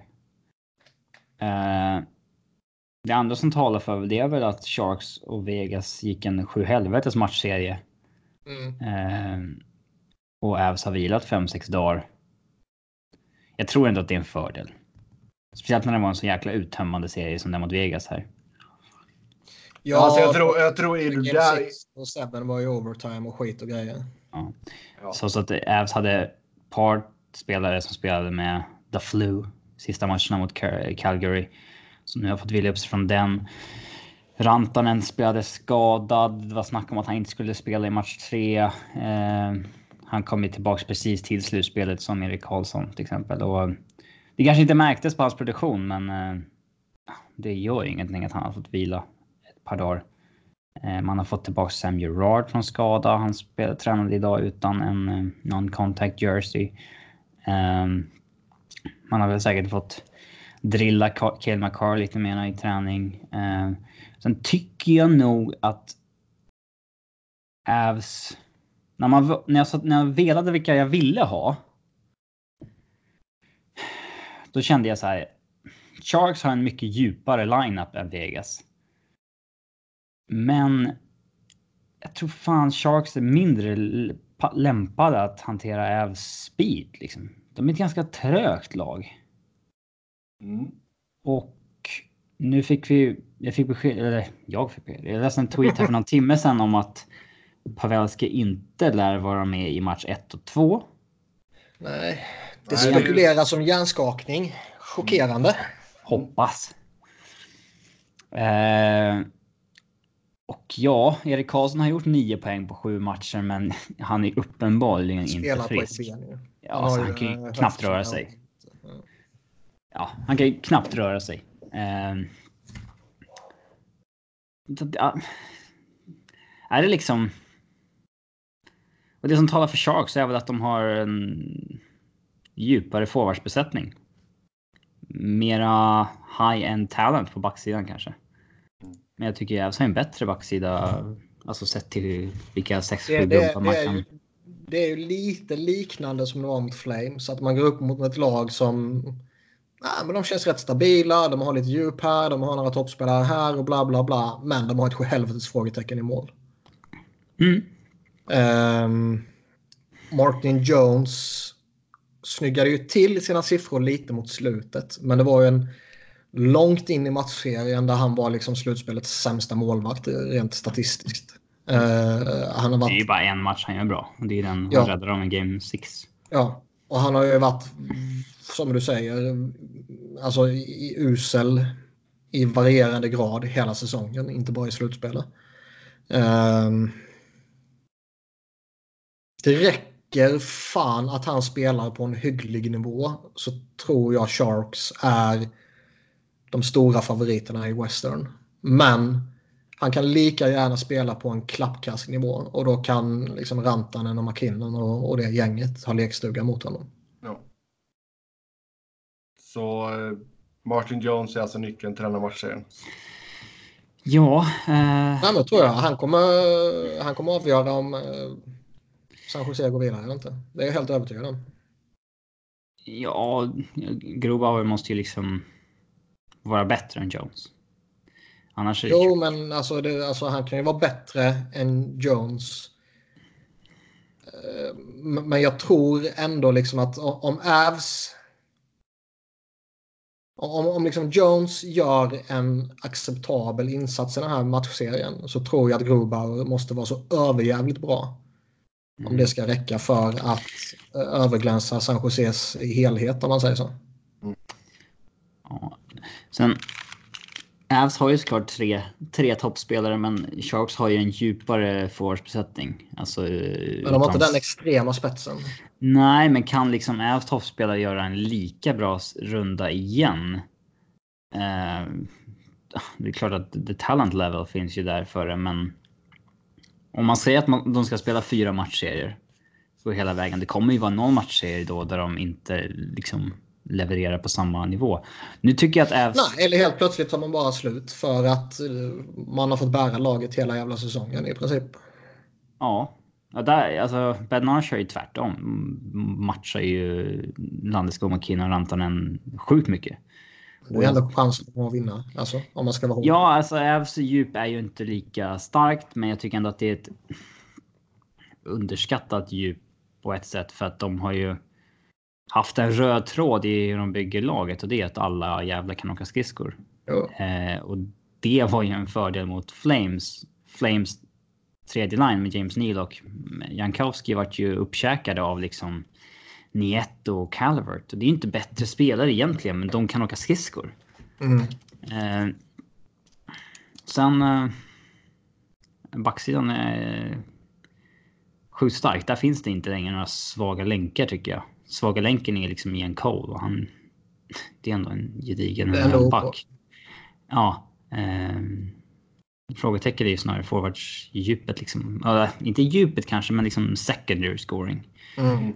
Att, eh, Men jag, sen tror jag, eh, som jag sa, att eh, Avs passar Sharks rätt dåligt med farten alltså. Nej, men det tror jag. Det, det kunde man ju se i, i förra serien. Ja, Och i synnerhet toppspelarna i Avs eh, bör ju kunna ställa till med stora problem. De spelar ändå liksom, alltså kolla Sharks försvar typ där Vlasic eh, har ju Tappat. och har dessutom skadeproblem. Braun är inte snabb. Nej, Erik Karlsson har en höft som Rörelseproblem. inte är bra. Ja. Brent Burns. Eh, Ja, det är lite som kritik, säger. Han, liksom. han blir ju rundad ibland. Ja. Liksom. ja. Och han har ju fått kritik hittills i, i, i slutspelet. Liksom. Ja. Och eh, vet, bakom de där stora namnen så... eh, Darrar Martin Jones. Ja, Ja, så, alltså, jag tycker att det känns ganska 50-50 inför. Men kanske, det kan ju bli 4-0 i matcher till Sharks, absolut. Eh, Eller till Avs om Martin Jones skiter ner sig. Mm. Alltså jag, jag ser honom som ett jätteproblem. Samtidigt så är de ju ett sjuhelvete sits inför. För de, alltså, de har committat så jävla hårt på honom med det kontraktet. Han är på första året på det kontraktet nu. Då är det jävligt känsligt att trada till sig någon annan målvakt. Ja, om vi tittar längre fram ja. Ja. Men Jo. här nu, det är ju inte negativt för Avs att Pavelski inte troligtvis kommer spela. Nej, givetvis. Givetvis. Det är en toppspelare. Ja. Så att, nej, jag tycker det känns eh, ganska 50-50 faktiskt. Så jävla ovärdigt om Joe Thorntons karriär ska ta slut. På grund av att Martin Jones skiter ner sig mot Colorado av alla jävla lag. Ja. Det, är så, det är så äntligen för Avs. Vi började liksom podda här typ 2011. Och sen dess har ju liksom Avs varit ett up and coming team som typ nästa år ska vara bra. Alltså i så åtta år. Ja. För de har alltid haft en core med liksom... Ja, först var det Duchene och Stasny liksom, och Eric Johnson typ och Valhamov. Sen så var det... Sen draftade man... Ja, McKinnon och fick upp Barry och, och det liksom har dröjt så in i helvete och... Ja, Ja, Nu är man inne på Cale McCarr. ja, ja exakt. nu är det Rantanen, Makar och... Eh, den, den ligan. Mm. Vi kan väl säga här också att tre av lagen som är kvar har inte vunnit cupen. Det är Blues, Sharks och Blue Jackets. Sen uh, Islanders har inte vunnit sedan 1983, Dallas 1999, Avs 2001, Hurricanes 2006 och Bruins 2011. Eh, så vi tar och tippar denna matchserien. Jag säger San Jose för att det inte ska ta huset i helvete här hemma. Skulle... Ja, måste du tippa San Jose? Mm. Men Frugan lyssnar ändå inte på podden. Ja. Nej, men hon vet. Hon vet allt. Jo, det är väl så. Jag tror, ju, jag, jag tror på Sharks. Ja, ska jag tippa med hjärnan så gör man väl... eh, Nej, det ska man inte göra när man är supporter. Nej. Ja, men jag, säger- jag säger att det går till sju matcher. Okej. Yes. Eh, med det så tar vi runder av för nu börjar första matcherna mellan Columbus och Boston. Eh, som vanligt kan ni köta hockey med oss via Twitter. Mig hittar ni på @sebnoren, Niklas på Niklas Wiberg, Niklas med C, Wiberg med enkel V och Robin på R underscore Fredriksson. Tills nästa gång, ha det gött. Hej!